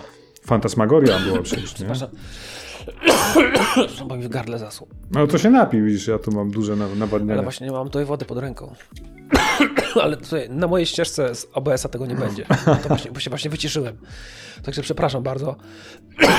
Cholera. Pora umierać po prostu. To już ten wiek. It's time to die, jak powiedział Roy Batty. Ale mówię, jestem wyciszony na OBS-ie, więc przynajmniej tego nie usłyszysz. Wymutuję. Sorki, już się uspokajam. By się wymutował, aż, aż mi oczy zaszły łzami. Może Dobra, uwaga, odciszam się teraz. Dobra, Lecimy dalej. przepraszam cię bardzo. Kontynuuj, kontynuuj. Dobrze. Rok 97, czyli premiera epokowego dzieła Blade Runner od Westwood Studios, które już wtedy kupione było przez e, chyba Virgina, nie? O, nie, EA kupiła, już zapomniałem. Ja to mia miałem tą grę kupioną, pożyczyłem komuś, ale to pamiętam, przeżywałem to. Ja miałem Są Big Boxa, taka- tak. Generalnie no, No. kultowa historia z uniwersum Blade Runnera, gdzie od czasu pierwszego filmu nic nie wychodziło. Jeśli chodzi... Rysław grał w sumie niedawno, więc chyba też opisował Dokładnie. to. Więc... Polecamy streama Rysława na YouTubie. A Tak jest. Historia dzieje się równolegle do filmu. Wcielamy się w innego Blade Runnera, czyli łowca androidów. Przeżywamy przygody. Jest masa zakończeń, możliwości przejścia gry. Najlepiej to zobaczyć na żywo. Jest na Gogu. Czekamy na remastera. E, D. Czekamy na, rem Tak, na remastera znaczy- od Night Dive Studios, co mówiłeś. Właśnie ja nie wiem, co oni zrobią, bo o, podobno te pliki, podobno oryginalne pliki wszystkie zaginęły. Zaginęły, tak. To potwierdził ja to wiem- w ten. e, Oni od to No podobno właśnie. robią, wiesz? No dobra. Bo mają być nowe No modele, ja sobie zapisałem, że tak. Że w 2022 roku ma wyjść Enhanced Edition właśnie od nich. Ma być tak, warstwa wizualna, gdzie ma być e, przede wszystkim wprowadzone odświeżenie modele postaci, które tam były wokselowe i bardzo się zestarzały. Tak, ale tak. bardzo, bardzo. Animacje, przerywniki filmowe, czyli muszą wszystko poprawić, plus panoramę zrobić do No. wszystkich scen, nie? E, ale zostaje soundtrack Klepackiego, więc to jest najważniejsze, Franka Klepackiego, nie? Ten, ten, ten kultowy, który bardzo podobny do Wangelisa był. No fantastyczna gra, to nawet nie ma co o tym mówić więcej, bo no, tylko oglądajcie. Tak, ale chyba warto zaczekać, może rzeczywiście warto zaczekać, dać mu trochę szansy i zobaczyć, czy to wyjdzie, czy to... Ja czekam na remastera, wiesz co, bo nie chce mi się grać. Odpaliłem sobie na Gogu, bo to 20-30 zł kosztuje, ale wiesz co... mm, To jest taki trochę pixel hunting, mam wrażenie, wrócił. No nie, nie, jest bardzo pixel hunting. To trzeba Tak. przychodzić. Rysować tam, rysować tam co, co chwilę blokował i prosił, hej, napiszcie mi, co mam robić dalej. Nie, no, Czyli taki interaktywny tam stream, okej. Tak, tak, tak, tak. Ja mu tam też pomagałem czasem. W ogóle powiem ci, że niestety, tak jak podejrzewałem, to y, data premiery remastera została, y, wiesz, y, jakby. No. Data jest nieokreślona, nie ma daty. Czy już nie ma 22, okej. Nie. Hmm. Chyba, że to się zmieniło od czasu, kiedy ja o tym czytałem w kwietniu, jest artykuł z kwietnia 2021, gdzie oni właśnie napisali, że bardzo trudno, no, że napotkali problem właśnie przez to, że brak, przez to, że brak tych y, plików oryginalnych, mają bardzo duży problem. Hmm. Um, no dobrze, To może no. nigdy nie wyjść, to może nigdy nie wyjść. to tym bardziej warto nadrobić, a, a jak wyjdzie, no, No to tak. cóż, wesprzeć I twórców. warto pamiętać, że są mody, że jest mod, który dodaje napisy. To się bardzo przydaje. No właśnie, ja bez napisów się tam trochę napisów. tym angielskim gubiłem w pewnym momencie. No, totalnie. Bo żargon jest totalnie. niesamowity tam. No, a jak się jeszcze grało, będąc tam w liceum czy coś, to w ogóle był kosmos. No tak, bo oryginalnie nie było napisów przecież faktycznie. No. No nie było, nie było i dopiero mody, dopiero mody dodały. I też właśnie dzięki Scamviam są te mody dostępne. W sensie Scamviam umożliwia Mhm. odpalenie z modem, nie? Super. Także tak, dobra. Y, Jeszcze jedna gra, mówiłeś tutaj. Wiesz co, teraz lecimy Ghost in the Shell, 97 rok, czyli adaptacja no, Mhm. Też kultowego nie już... kojarzyłem. Tak, wyszła tylko na PlayStation, a reżyserem, Tak, e, czy też autorem scenariusza był Mamoru Oshii, czyli reżyser filmu z 95 oryginalnego Ghost in the Shell. W ogóle oczywiście film bazuje też na Mandze, która wyszła wcześniej, ale tu już detale, bo film był jednak znakomity. Do dzisiaj wychodzą filmy spod znaku Ghost in the Shell, lepsze, gorsze, seriale. Ostatnio mieliśmy wznowienie jakby tego na Netflixie w kwietniu tego roku, Ghost in the Shell 2045. Ja jestem wielkim fanem tego uniwersum, więc oglądam wszystko. A, ale nie polecam niestety tego ostatniego. No gra wyszła tylko na playaka Ghost in the Shell, sterowaliśmy Mhm. tylko tym robotem tak zwanym, nie, Tamagotchi to nie było, on się nazywał inaczej. A, jakoś się te roboty to nazywały. sprawdzę. Nieistotne. A to jest taka śmieszna nazwa. Ja nawet musiałem sobie tatuaż sobie zrobić z tym robotem, ale jeszcze się zastanawiam. Fuchikoma? Fuchiko, Tachikoma. Tachikomy. Fuchikoma, według, według Wikipedii Fuchikoma. To jeszcze Ale są nie- tachikomy, wiesz? A, My sterowaliśmy sobie tachikomą albo fuchikomą, wel fuchikoma. A, Nie mogliśmy niestety wcielić się żadnego z członków zespołu sekcji 9, co było dość krytykowane, ale były wstawki filmowe ryso- rysowane, czyli były kawałki anime, no i grafika była super. Polecam, jeżeli ktoś ma PlayStation, znaczy wątpię, że ktoś miał PlayStation dzisiaj jeszcze. Emulacja. Tak, dokładnie, używane na co dzień to emulacja, fajna gierka. Skończyliśmy lata 90., słuchajcie, wchodzimy w lata 2000, czyli jeszcze tylko 20 lat i dojdziemy do cyberpunka e, naszego bieżącego. Więc tak, rok, rok 2000 za, zaczniemy premierą e, dwóch kultowych gier, bo wyszedł Deus Ex i Deus Ex Invisible War. Jakie masz wspomnienia z tymi grami, Łukaszu? O panie, mam mega wspomnienia, bo w ogóle ja do Deus Exa to musiałem dokupić RAMu. Ja Aha. zwiększałem RAM chyba z 64 mega na 128 mega, bo gra chodziła tak źle y, z tą ilością ramu, czy tam liczbą, że, że musiałem z- go z, zdublować i żeby cokolwiek to jakkolwiek mogło chodzić. I pamiętam, że no mega się jarałem tym Deusem wtedy. Ta gra była, robiła niesamowite wrażenie w tamtych latach. Ja wtedy byłem y, chyba na pierwszym roku studiów, No też, coś byłem na wakacjach. tak. No i, czy tam skończyłem liceum, zaczynałem studia. I no naprawdę, ja wróciłem do tej gry, wielokrotnie do niej wracałem i dla mnie ten Deus Ex jest nadal grywalny, dlatego że ja tą grą po prostu mam takie wspomnienie, że jak ja słyszę na przykład tą muzyczkę, wiesz, z nowego, z tego, wiesz, z tego, tego tam rynku w tym, w Hongkongu, nie? Taką tam, taradam, tam, tadam, tadam, tam, to ja wiesz, ja mam momentalnie przed oczami, wiesz, po prostu, albo te takie muzyczki z tego New York Street, nie? Jak tam się chodziło Mm. po tych ulicach po ciemku. Nie, ja mam nie, mega wspomnienia z tej gry, to jest fantastyczna gra, kurczę, naprawdę, jest No fantastyczna. bo załóżmy, że ktoś ze słuchaczy nie wie, o czym był ten Deus Ex, no to to jest połączenie RPG z dynamicznym FPS-em, tak to możemy określić. Nie? To był jeden z pierwszych immersive simów, tak w zwanych, otwartym nie? świecie, tak. A, Tak. Znaczy takim, no, takim, no, można powiedzieć, nie do końca otwartym No. świecie, bo to były takie huby, nie? Ale Troszkę tak. podróżowało się pomiędzy, świat, pomiędzy dużymi, otwartymi obszarami. Miałeś wrażenie było- otwartości, otwartości tego tak, świata, oczywiście. Ten, ten Hell's Kitchen na przykład, tam było, tam było ileś tam kwartałów tych budynków, można było do tych budynków wchodzić, można było zejść do kanałów. To, tak, tak, to było nie? tego A teraz, a teraz rzuć okiem na ostatniego Deus Exa, czyli Mankind Divided, gdzie były pocięte faktycznie sekcje, nie? Tak naprawdę, to było bardzo... Wiesz co, nie do końca się zgodzę, bo w Mankind Divided miałeś ogromną, wiesz, ta Praga, Ale była to był pocięta mały mocno, obszar. wiesz? Dobra, ale to był mały obszar, ale jaki on był gęsty. Był. Wiesz, on był pionowy, on był poziomy, on miał tyle różnych, naprawdę, nie, ja będę tego bronił. Wiesz? A czy ja, ja, znaczy mi się, tak- mi się to gra tak jak- podobała, to nie jest tak, To że jest tak jak. Yakuza, Troszkę tak. wiesz, że to jest po prostu masz mały obszar, ale bardzo gęsty i tam, wiesz, ile tam było mieszkań, tam jak się, wiesz, od, odblokowało te chodziłem skoki, to tak. można było potem wchodzić, no, ja wchodziłem do wszystkiego i tam była masa rzeczy, tak naprawdę, także, yy, wiesz. Ja myślę, że główna, głównie krytyka, jak już gadamy o ostatnim Deus Exie, to jest problem, że jest ucięta fabuła, ta gra jest Mhm. Ucięta w 3 czwarte, tak? Czy w połowie bym Oczywiście. Tak, tak, tak. Jest, to, jest, to jest bardzo duży grzech tej gry. Oprócz tego jest świetna, ja bardzo ją lubię. Ja lubię ja ten klimat. przed- powiedział. Tak. Ona jest super. Jeszcze ja bardzo. Ja tą grę grałem, wiesz sobie. A, tak Ja na spokojnie, grałem. Tak. I naprawdę są fajne momenty, nie? I, i- Tak. i historia jest ok, tylko ucięta i to strasznie mnie zirytowało. Tak, tak, tak, No. tak. Ale to niestety nie wina, wiesz, to wina wydawcy, nie? To wina Square Enix. Ale dobra, Deus Ex, y, no teraz jest pewnie niegrywalny, jak ktoś nigdy nie grał, więc trudno mi ją polecać, aczkolwiek jako ciekawostkę powiem, że niedawno wyszedł mod Lady Denton, który umożliwia przejście całej gry ko y, kobietom Okej. i wszystko zostało dostosowane, wiesz, y, no, teksty NPC-ów, wiesz, opisy, przedmiotów, no wszystko. Gra wygląda tak, jakby, wiesz, została zaprojektowana tak, żebyś mógł mieć możliwość wyboru, wiesz, postaci kobiecej jakby od początku, nie? Co jest fajne, uważam, bo jeśli ktoś chce grać No chce się kobietą, utożsamić przykład- ze swoją kobiety, płcią albo tak. Dokładnie. To, oczywiście. To, to jest fajne i, i co, no dwójka niestety trochę nie, nie dowiozła. Nie? No niestety. Jakie masz? Tak, ja zdecydowanie. Jedynka była super, dwójka mi troszeczkę... Chociaż nie pamiętam z perspektywy czasu. Mówimy chyba o Invisible War, tak? Cały czas. Tak, tak, tak, bo ta gra uległa, ta gra niestety mm, dostała, tej grze za- zaszkodziła konsolidacja. O to chciałem Bo to powiedzieć. był- tak. Bo to był moment, kiedy to też podobnie się stało trochę z, Thief, z tym Dead, Tak. Deadly Shadows, ale z nimi było aż tak źle. Ale Deus tak naprawdę został pocięty na takie maluteńkie kawałeczki. W porównaniu z, z jedynką to był regres. tak. Naprawdę tam była uniwersalna amunicja. Pod, pod, wiesz, jakby podnosiłeś amunicję i ona działała jakby z każdą bronią, nie? No ale to było bez sensu. No. No, tam było naprawdę tyle uproszczeń i widać było, że... Bo ta gra wyszła na pierwszego Xboxa. No, ja, no grałem, jednak- na Xboxie OG grałem, tak, tak, tak. No, Ja w 2001 bardzo- kupiłem, wiesz co, właśnie Xboxa, to była moja... mhm. Sprzedałem PS2 i kupiłem Xboxa OG, bo zobaczyłem Halo, nie? Na premierę. Jak zacząłem Halo Jasne. Combat Evolved, powiedziałem, muszę to mieć, nie? I Dead or Alive 3, wiesz, jak to robiło wrażenie wtedy, nie? Tak, tak, tak, oczywiście. Nawet do dzisiaj wygląda nieźle, no. No, ale w ogóle taka ciekawostka, jedynka e, Deusa w ogóle wyszła na PS2 i miała inne, inne te filmiki przerwnikowe. Wow, to nie wiedziałem. Pocięli ją w ogóle, wiesz, przerobili poziomy, wiesz, tak trochę ją no, zmniejszyli, ale no, gra nadal była grywalna. To jest bardzo ciekawe, że to wyszło, nie?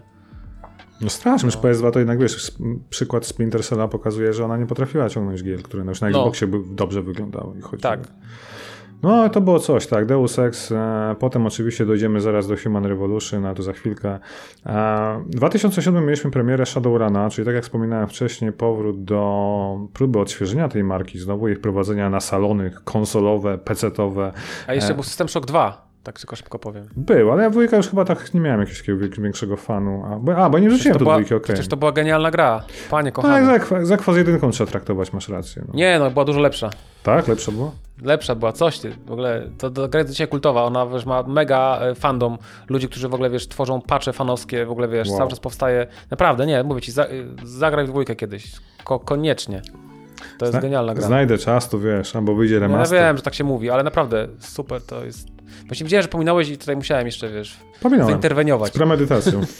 No, a ja z fermentacją tutaj wkraczam. No dobra, dorzucamy Shadow, e, Shadowrun też e, System Shocka dwójkę do Dwa. panteonu gier cyberpunkowych, no bo haker, hakerstwo, hakowanie, AI, zbuntowane AI, to jakby nie patrzeć. Dokładnie, korporacja ogromna, wiesz, zła korporacja, nie? Shodan. Ta Nie, Shodan to była Trioptium. sztuczna. okej. Shodan też był, no, to inteligencja, tak. Trioptium Cor- Corporation, no nie?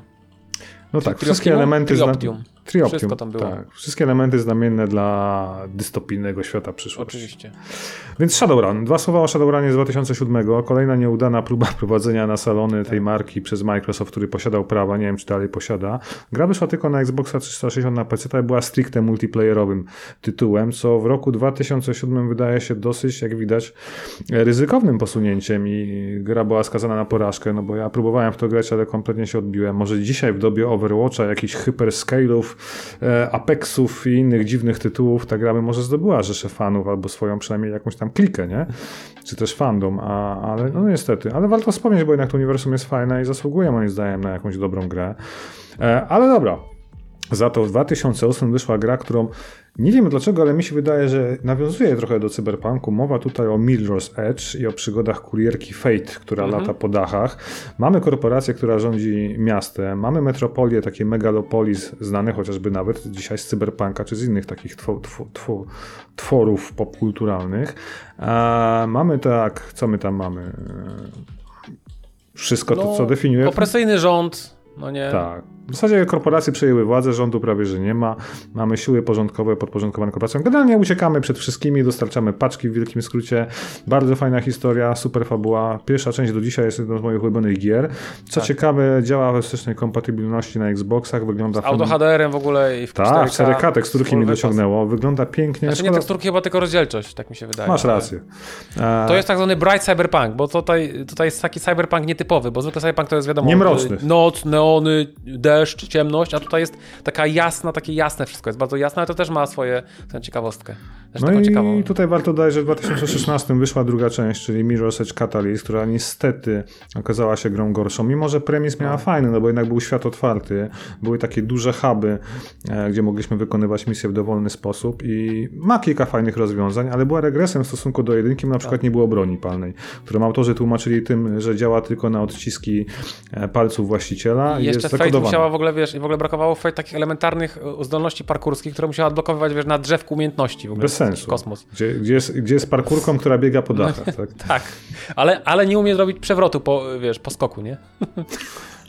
Nie, ale, ale wiesz co, ja czasem wracam do tej gry, bawię się świetnie, jak się rozpędza i szczególnie... Ona jest ładna i tam zmarnowany potencjał jest ogromny w tej. Szkoda, szkoda nawet Ja nie ma... właśnie oglądałem niedawno, może sobie gdzieś znajdę w międzyczasie. Ona działa, wiesz co, chyba w 120 klatkach teraz z tego, co kojarzę. A możliwe sprawdzić. to jest. Na pewno Znaczy jedynka, 60 bo jest. chyba nie dwójka. Chyba jedynka. Nie, dwójka, dwójka. Dwójka działa na pewno w 60 klatkach, ten O, Catalyst wow. e, na Xboxie. I dostała boosta 120, jest to możliwe. I podobno do 120, ale muszę sprawdzić, nie jestem pewien. Na pewno 60, bo mnie zdziwiło, że chodzi szybciej. To 60 to wiadomo, jest różnica, nie? A, Nie, bo to jest tak, że niektóre gry, które działały w 60 na, y, wiesz, Dostały blokowany klatkarz, do- dostały 120 klatek. Z okiem przy okazji, bo mi się wydaje, że tam jakoś fajniej to wygląda. Albo mi się wydaje tylko, no. Ale chodziło na, na pewno lepiej, bo chyba było w 30 klatkach standardowo, tam na, za czasów PS4 Pro, Xboxa. A to jest możliwe, bo, bo ten y, Mad Max dostał y, patcha, wiesz, Mad Max dostał Jezu, w końcu? z 30 na 120. Akurat rok temu go przeszedłem, tak a propos. No widzisz? Ale dobrze. Ale tak, ale, ale Mirror's Edge, w ogóle ja, ja oglądałem niedawno bardzo fajną taką, wiesz, ana- analizę krytyczną Mirror's Edge'a, tego Catalyst, jakby co Okej. tam zagrało, co tam nie zagrało i mam nadzieję, że znajdę jakiś link, bo naprawdę była bardzo ciekawa. Ktoś na forum pole właśnie wrzucał. Tak się Znaczy szkoda, wiesz co, czy to był nawet... To nie był nawet sequel, nie? To był ani prequel, ani remake, ani To, remaster. to był reboot, to był coś w rodzaju soft rebootu. Soft rebootu, który nim nie wyszedł. Komiksem są Tak. fajne, bo ktoś chciał komiksy z Mirror's Tak, Catalyst. Exordium chyba to było? Tak, Exor Exordium, Exordium, tak, tak, tak, tak, tak, tak. tak. To, to chętnie się podzielę oczywiście w wersjach cyfrowych, e, bo to nie do kupienia jest. E, lecimy dalej, no. Syndicate 2012, słuchajcie, o tym mówiliśmy, czyli próba powrotu kultowej marki na salony, że tak się wyrażę. E, ale wiecie, jaki był pomysł? No jak można ze strategii, o której przed chwilą gadaliśmy, czasu rzeczywistego, gry taktycznej, zrobić FPS-a? Wiesz co, ja mam wrażenie, że tak naprawdę to ta gra po prostu, y, oni wzięli tytuł, tak jak z Preyem było trochę. Tak. Wiesz, weźmy znany tytuł, żeby nie musieć nowej marki y, rozwijać i na tym y, próbujmy coś ugrać. Tylko A nie rozumiem, zaszkodzili. Tak, tylko nie rozumiem jednego. Tak, po pierwsze Starbase Studios, u- uhonorowane Riddick. studio, Riddick, Darkness 1, 2. O Boże, Eee, super gry. Jedynka, a dwójka chyba nie, ale to... Nie? Aha, trzeba by sprawdzić. Robił kto inny. Ale Kroniki Riddicka, potem e, miękki, potem e, Chronicles, e, czekaj, of Riddick, Assault on Dark Athena, czyli druga część Tak. Riddicka, taki dodatek w dwupaku wydany w 2009 na konsolę bieżącej Darkness generacji. 2 robił inny dev, tak jak mówiłem. Okej, to ciekawe. No, faktycznie była trochę inna ta dwójka The Darkness. No. Inny w ogóle miała styl, miała w ogóle styl taki e, cel, shadingowy, taki bardziej komiksowy. Jedynka była faktycznie bardziej taka naturalistyczna, nie? A, no właśnie, i nagle Starbase Studios zrobiło FPS-a, który był słaby, e, co raczej nie można się było spodziewać. Nieprzemyślane jakby mechaniki niektóre, za duży chaos na ekranie, wszystkim bardzo... w tej grze, pamiętasz jaki w tej grze w ogóle był Bloom? Pamiętam, niesamowite, ja do dzisiaj nie rozumiem dlaczego. Wiesz co, grałem Ja ostatnio. zrobiłem, ja, ja robiłem takie screeny w tej grze, że to się nie chce wierzyć, ja mam dzisiaj nawet zapisane i nawet To strasznie wszystko taki jest takie- artykuł, no, ktoś się w ogóle z tego śmiał, wiesz, i zrobił taki, też takie zrobił filmiki z tego i screenshoty, to jest w ogóle niewiarygodne. Znaczy mi się wydaje, że pomysł był fajny, bo wcieliśmy się w agenta oczywiście Mhm. w grze FPS, e, typowy, w, historia żywcem wyjęta ze świata Syndicate'a, czyli mamy korporację, musimy tak naprawdę mm, e, eksfiltrować naukowców, inżynierów, zlecać zabójstwa, dokonywać tego wszystkiego samemu, jako ten agent jednej z korporacji z Eurokorpu chyba, zresztą swoją drogą. Mhm. I, I fajna była mechanika, gdzie mogliśmy w czasie rzeczywistym wybierać jedną ze zdolności augmentacji naszego cyborga i na przykład Można było hakować innych ludzi w ogóle, tak, ktoś mógł popełnić samobójstwo, ktoś mógł Tak, ciebie tak, to strzelać, mogłeś hakować drzwi. Ej, w ogóle jacyś powiem sobie, powstał w ogóle mod na PC, ta nazywa się Syndicate The, The Bloom, który usuwa efekt Bloom z gry. I w ogóle Problem jest prostu- chyba taki, że oni to zrobili głównie na konsolę i tam nie było mocy obliczeniowej, stąd ten Bloom, Nie przynajmniej wiem, podejrzewam. I, I ja Bo- polecam taki artykuł, jest taki artykuł, który nazywa się na, na serwisie Games Radar, gamesradar.com Mhm. i ma tytuł 56 Eye Melting Screens of the most, hilar- of the most hilariously over the top bloom lightning in video game history. I to nie jest clickbait, i to nie jest hiperbola, to jest naprawdę tak to wyglądało. Jak I tam jest to na pierwszym miejscu? filmiki. Nie no, właśnie to jest, nie, to, to jest 56 filmików, to jest O, 56 matko. screenów z Syndicate'a tylko. To jest z, O. z, z jednej gry. Wow. Właśnie Syndicate został nazwany Most Hilariously Over the Top Bloom Lightning in Video Game History. Czyli to jest jedna gra. Niesamowite. I naprawdę, jak ktoś nie wierzy, to niech obejrzy te filmiki, te, te, te zdjęcia. A ja w ogóle polecam, jak, są. e, drodzy słuchacze, wejdźcie do mnie na Facebooka, na bloga. Zrobiłem kiedyś artykuł pod tytułem Co poszło nie tak z rebootem Syndicate'a od Starbreeze. Napisałem O, taki fajnie. duży artykuł o tym, jak oni zresztą potem splajtowali, co się stało, dlaczego ci ludzie odpowiedzialni za Riddicka, Darkness już nie pracowali przy Syndicate'cie, bo No. nie uciekli, własne firmy założyli i tak dalej, i tak To dalej. podlinkuj ten filmik, bo ja, ten artykuł, bo ja sam go chętnie przeczytam. Wyślę ci, bo mam, prędzej go znajdę, wiesz, w archiwum tekstów niż na, na Facebooku. Jasne. Ale zapraszam na Facebooka, zobaczcie tam gdzieś luty, marzec, coś takiego, bo wtedy dużo pisałem, bo mi się chciało, bo nie miałem podcastu. A jak masz podcast, to więcej gadasz, a mniej piszesz, taka jest prawda, nie? No a jeszcze A. tak szybko raz powiem, tylko szybko, jak ktoś chce sprawdzić y, ten podcast, który to był podcast, który y, ten, tego y, Szafera pisał o Szaferze, że, że, że, Double, no, że No Double Fine stworzyło Full Throttle Green Fandango, to ja tego nie zdradzę, ale po, dam tutaj podpowiedź. Można wejść na forum Poliga, na forum, stare forum Poly i tam jest dział o podcastach. A to są wszystkie podcasty. Tam są wszystkie podcasty i ja tam komentuję właśnie to. I oczywiście oni nawet nie odpowiedzieli na to. A na jakąś liter- literę zdrać pierwszą nazwy podcastu. Nie muszę, bo ja już podałem tytuły gier Okej. y, i wystarczy Okej. po nich wyszukać. Zajrzę potem, No. z ciekawości. E, dobrze, tyle o Syndykecie. Kolejna gra, moim zdaniem bardzo zapomniana, niedoceniana, to Remember Me. Pamiętasz to? O, pewnie. Słuchaj, przyznaję ze wstydem, że jej nie, że jej nie, nie przyszedłem, ale ją Ja kupiłem na premierze. I w ogóle dostałem koszulkę tutaj, to były czasy, tak, lekki taki off-topic wspomnę, to były Ty się jarałeś złote- koszulkami, ja też, nie? No, ale w ogóle nie, to, to były te piękne złote czasy tani gier PC. To był moment, kiedy można było dzięki kompanii graczy i temu takiemu ich programowi lojalnościowemu kupować w, C, w Cenedze gry wydawane przez Cenegę e, Wow. z kodem zniżkowym na PC, nu, nówki, wiesz, gry AAA za na przykład 78 zł i jeszcze dodawali koszulki w preorderze. Czyli ja Super. kupiłem, wiesz, Rem- Remember Me kupiłem, wiesz, za 80-90 zł wersję, wiesz, na prem- premierową, w preorderową z koszulką, no nie? I pograłem trochę w tą grę, ona jest przepiękna. Yy, Tam było sporo fajnych mi się- pat- patentów, prawda? Bo tak. Zacznijmy od tego, co była wizja Paryża, Neo-Paryża przyszłości Tak, z Neo-Paryż. 2084 roku.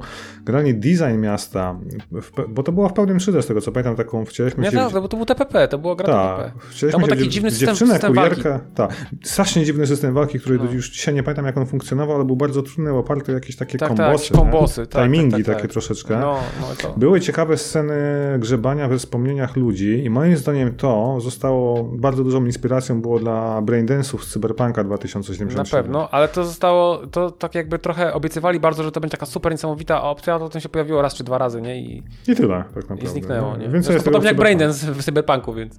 Dokładnie też. tak, tak, tak. Chociaż tam jest istotny w Cyberpunku, żeby śledztwo prowadzić w paru Mhm. przypadkach, nie? Ale obiecywali więcej, ale to wiele rzeczy obiecywali. Marketing, panie, no. Fajna gra od twórców w ogóle Don't Not, czyli ci, Tak, co robią gra. Strange. Tak, to była ich pierwsza gra. tak. Nawet się zdziwiłem, że potem poszli już przygodówki, bo oni potem chyba nie zrobili żadnego TPP już, nie? Vampyr.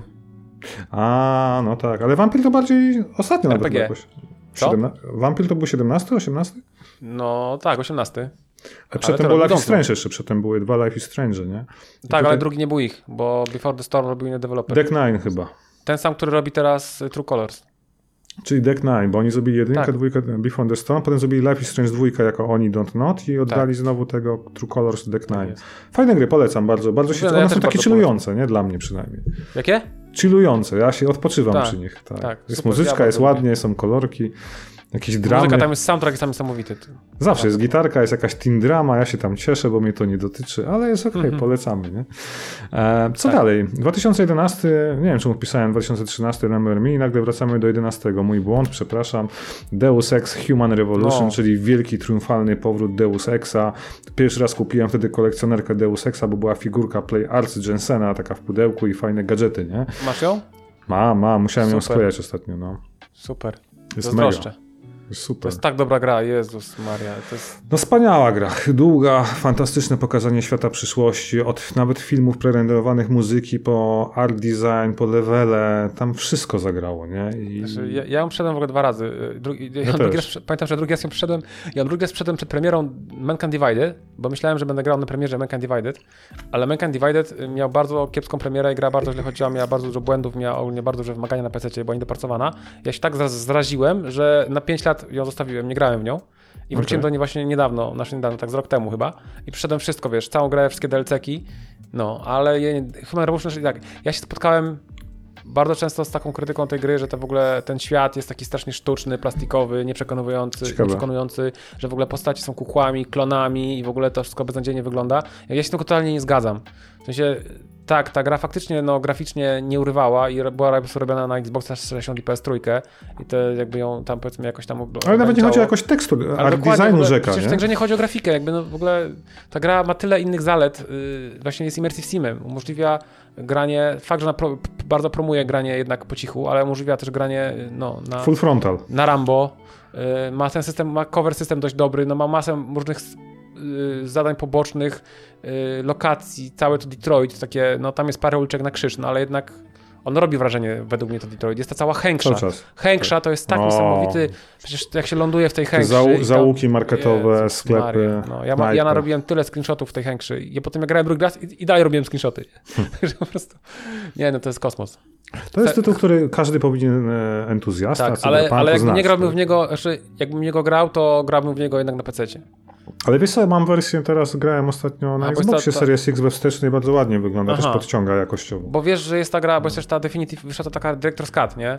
Tak. Tylko, że oni usunęli, usunęli w ogóle ten taki żółty filtr, więc to trochę zmienia w ogóle jej... o jej A, bo świetny ten film był przecież. No, oni go usunęli, bo tam chyba go właśnie też hejtowali ludzie, no i widzisz. Więc generalnie polecamy, nawet i sequel dzisiaj też. się broni. Sequel w 2016 wyszedł, trochę zjechany niestety przez ludzi, przez tą fabułę, przed chwilą o tym gadaliśmy, przez to, Tak. że była pocięta, ale integralna jakby kontynuacja losów e, Adama I Jensena. DLC-ki też wyszły, więc warto. O, koniecznie. Które częściowo, wiesz, te DLC-ki częściowo, wiesz, może nie kontynuują fabuły, ale ją tak y, rozszerzają, wzbogacają. Ale faktycznie ta końcówka to jest kryminalna, wiesz, powinni coś naprawdę zrobić. Nie wiem, Ja myślałem, że książkę. wiesz, zabijasz bossa i będzie dalej się działa gra, a tutaj nagle koniec. I tak, ale to, jak? to jest lekki spoiler, ale tak, zabijasz bossa, po czym okazuje się, że boss to był pionkiem. Tak. I, i, i koniec, nie? I teraz Jesse mówi, to ja idę zabić tych, y, tych, co nim sterowali. Koniec gry, nie? Koniec gry. I, I Eidos Montreal nie zarobił na tej grze, przez to czekaliśmy na coś nowego. Oni dopiero teraz wydali Guardians of the Galaxy. Wcześniej a Marvel's, Marvel's Avengers, nie? Który Ale to nie. Eidos Montreal, to Crystal Dynamics zrobił, wiesz? A, przepraszam. No, Masz i oni rację. się przejechali, dlatego tym bardziej Tak, ja tak, się tak. No. bałem. Co ty mnie hejtowałeś we wrześniu, że zamówiłem w preorderze Guardians of the Galaxy, bo będzie tak samo złe jak No i byłem, bardzo przepraszam, bardzo się myliłem, bardzo tutaj się cieszę, No. że się myliłem. Oczywiście. Powiem szczerze, dla ale- mnie Ale jedno ci powiem na moją obronę. Nikt tej grze nie dawał szans, jakby wiesz co Nikt. chodzi. Nie, nie, to jest sleeper hit. To jest prawdziwy Tak, sleeper hit. Yy, Dla mnie, A przepraszam co- bardzo, Eidos Montreal pracował nad y, Marvel's Avengers też. Pomagali im, tak. Crystal Dynamics też, ale Eidos Montreal też. Tam w ogóle kupę gier. Na szczęście zrobili Guardiansów, dla mnie gra roku obok Deathloopa. Tak No. szczerze, jak będę pamiętał o tym roku, to pewnie Halo Infinity też Ja kupiłem, planuję grać. Cudowne. Przeszedłem, wiesz co, w zeszły weekend, napisałem recenzję, odsyłam na bloga, zapraszam na recenzję, pewnie To już widzieliście. podlinkuj. Poczytaj, moim zdaniem fantastyczna wchodzić. przygoda. Ale taka, wiesz, korytarzowa, singleplayerowa. No, dokładnie, bez o, to- rollboxów, bez, bez mikrotransakcji, bez gry, usługi, bez hubu, bez, bez, misji. bez battle passa. Piękna, piękna rzecz. Aż, dlatego aż, aż ją kupiłem. Nie? Pięknie zrobiona. Piękna Może w ogóle gra. mnie nie jarają, wiesz, to, to uniwersum mnie nie jara, w ogóle jakby mnie ten cały Marvel w ogóle nie jara. No mnie też nie film, gadaliśmy film oglądałem, tak. mnie, nie- mnie nie jara, w sensie ten film e, Guardian of the Galaxy, a mimo to myślę, że ta gra mi się też bardzo spodoba. No zobaczysz, Rocket, Groot, Drax, Gamora No. i teksty ze Star-Lordem. Coś niesamowitego. Podobno nawet jest świetna pol- polonizacja. Fantastyczna, słyszałem. Ja grałem po angielsku akurat, ale... ale To chyba kolejna wiesz po Deathloopie. Cieszę się bardzo w ogóle, wiesz, że wiesz, cieszę się bardzo, że coraz więcej jest takich naprawdę dobrych polonizacji. Bo przez chwilę miałem wrażenie, że jakby polonizacji dobrych przestało, jakby ten temat lokalizacji 2.0 od Sony się skończyły, nie? Tak, Tak, tak, tak. Był God of War, a potem jakoś, co było po. God of Warze? Last of Us 2, prawda? A ostatnio No nie, taka... no nie, wiesz, God of War też dostał, wiesz, miał dobrą lokalizację. No świetną miał. No. Mariusz Dziurman, tak? On się Tak, nazywa. tak. Co Kratosa podkładał głos. Lecimy dalej. Słuchajcie, lećmy. ma, mała dwuwymiarowa platformówka, która nazywała się DEX 2015 roku, chyba węgierskiego studia, nie pamiętam nazwy. E, przepraszam, czeskie studio Deadlocks. Tak sobie zapisałem. Mhm. Wikipedia? Nie, mam notatkę. Notatki, Wiesz, taki super, duchowy okej. spadkobierca scrollowanych, klasycznych platformówek. On tam łączył bardzo dużo elementów RPG, strzelaniny, akcji, augmentację. Dreadlocks, czyli dready. tak jest. Bo myślałem, myślałem, że mówisz Deadlocks, ale może źle usłyszałem. Deadlocks się firma nazywa czeska. Dread, Dreadlocks właśnie, Dreadlocks, dready. A nie Dead? Ja sobie Dead Nie. A widzisz, moje notatki zmieniają e, literki. No okej. No, Apple, wi- win, winny Steve Jobs. Tak, musi być Dead zamiast Dread. No okej, dobra. A, widzisz, a ja wszystko sprawdzam, stary, i poprawiam. Bardzo dobrze. No. E, wiesz, czy mi się Dex kojarzył? Po pierwsze z Deus Exem 2D Mhm. i no i oczywiście takim flashbackiem z, z duchowym spadkobiercą. Tak. E, fajna gra, polecam. Można kupić za 3 zł chyba na Nintendo Switcha dzisiaj, czy za Mhm. 5 zł, jak kupiłem sobie ostatnio. Okej. Prawda nie gram na Switchu, bo nie mam czasu, ale kupuję. Ta gra wygląda na taki, na taki totalny średniaczek, tak wiesz, taki 6 na 10, nie? Taki 7 na 10. Tak, to jest takie, wiesz, dzisiaj 7 na 10 to jest dobra gra, to jest taka, tak to... Inaczej, dopisać sobie do listy i kiedyś zagrać, nie? Tak. Czyli nigdy albo na emeryturze. Mam takie gasetki, niestety. E, No niestety, gramy tylko w AAA. Tak. E, Ja Observer. no, się staram trochę. No tak, Observer to, wiesz co, ja niedawno robiłem recenzję z Rudym Rydzem. Ja też niedawno przeszedłem Observera, wiesz, o dziwo. System Redux, jak wyszedł na nowe Ja konsole. E, inaczej, oryginalnie wyszła gra w 2017, oczywiście od pols- polskiego, polskiego blobera. Tak. Pierwsza osobowa przygodówka akcji, tak to możemy chyba nazwać. Nie, akcji tam nie ma. Nawet nie akcji, Walking Simulator. Z elementami horroru. Tak, tak, z elementami horroru. I skradanki. taka s- skradanki. Z Rutgerem Auerem w roli głównej, to jest Tak, jego ostatnia, ostatnia rola. rola. E, świetna gra. Ja, ja się dobrze bawiłem. Dobra. Momentami miałem wrażenie, że jest trochę za dużo horroru i nie wiadomo o co chodzi w tej Znaczy piwnicy. dobra gra, ale ona pod koniec się jakby tak rozpadła. Tak, tak, Tak jakby twórcy stracili trochę wątek, nie wiedzieli co chcieli tam powiedzieć, co chcieli przekazać i ten koniec był taki, że ja go tak po prostu, już tak bez emocji go przyszedłem i w ogóle też jakby to nagromadzenie tych wszystkich dziwnych rzeczy, tych takich, abs- takich, takich, takich, takich Tak, w pewnym momencie takie też na, na autopilocie jechałem. Tak, Zrobili po tak, prostu już taki totalny, takie desent, tak była taka desentyzacja. Jakby tak dużo rzeczy tam wrzucili, tak bardzo chcieli być yy, po prostu, nie wiem, mindfuckowi, że spowodowali totalną yy, jakby znie, znieczulenie gracza. Prze, A. wiesz, Mhm. przestymulowali gracza. Zgadzam się. To miałem tak pod koniec i musiałem faktycznie. e, No. Ale gra warto, fajna i ten Redux ładny, dodali tam ray tracing, y, można zobaczyć odbicie, wiesz, y, tego True. Redbora Hauera. Jest tam w ogóle gra tam ten aktor polski, a, y, Boże, jak on się nazywa? Arkadiusz Jakubik. Arkadiusz Jakubik, tak, y, ma fajną rolę, on mówi po angielsku z takim słowem. no i muzyka Arka Rekowskiego, prawda? No. Fenomenalna. fenomenalna. Tak. Hołd złożony tuzą cyberpunku, tak No się i- wyrażę. No. Co dalej? Dobra. Dalej mieliśmy Ruinera polskiego, 2017. Bardzo ciekawa gra akcji. E, Super muzyką taki- Zamilskiej. No Zamilska, o jak, jak ten soundtrack katuje do dzisiaj No, po prostu no, czasami. też. ale to trzeba mieć naprawdę dobry, dobry, może nie humor, źle powiedziałem, to trzeba mieć takiego naprawdę dobrego, myślę, że słowo wkurw brzmi nieźle, Mhm. e, staram się nie przeklinać, ale inaczej tego nie powiem i wtedy sobie puszcza z panią Zamilską z, z tej gry soundtracka i ci wszystko przechodzi wtedy, nie? Tak. Tak, naprawdę. Fajna taka gierka, trochę jak Hotline Miami, nie? Taka trudna, ale O. bardzo ładna grafika. Grafika. Hotline Miami, tak, dużo fajnych mechanik, fajnych opcji specjalnych, świetna grafika, rysun rysunkowe postacie, trochę mangę przypominające e, typowy cyberpunk przyszłości. No, dystopijna przyszłość, korporacje, e, elementy wszystkich najlepszych gier, o jakich gadaliśmy dzisiaj, podane w ramach gry akcji. Oczywiście nie dla wszystkich, ja się za pierwszym razem odbiłem tam po paru godzinach, szczerze. Ale grałeś na premierze? Tak, grałem na premierze, trochę się ci, odbiłem. Dlaczego się odbiłeś? Bo oni mieli bardzo, to gra była bardzo trudna, oni potem ją, oni ją ułatwili.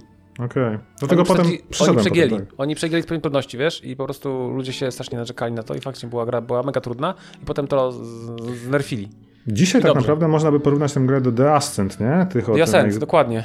Bardzo podobnie ukazanie akcji, nawet kolory są identyczne, nie? No tak czerwone wszystko. Tak, tak, tak. Eee, ale jednak coś innego i Ruiner tą muzyką napędza cię, że chce Mhm. się grać, nie? No, dobra, Ghost Runner, Ghost Runner Polska gra? 2020, Polska, polska polska gra. gra. Ruiner polska gra, Ghost Runner polska gra, Cyberpunk polska gra, po prostu Pols Polacy lubią Cyberpunk.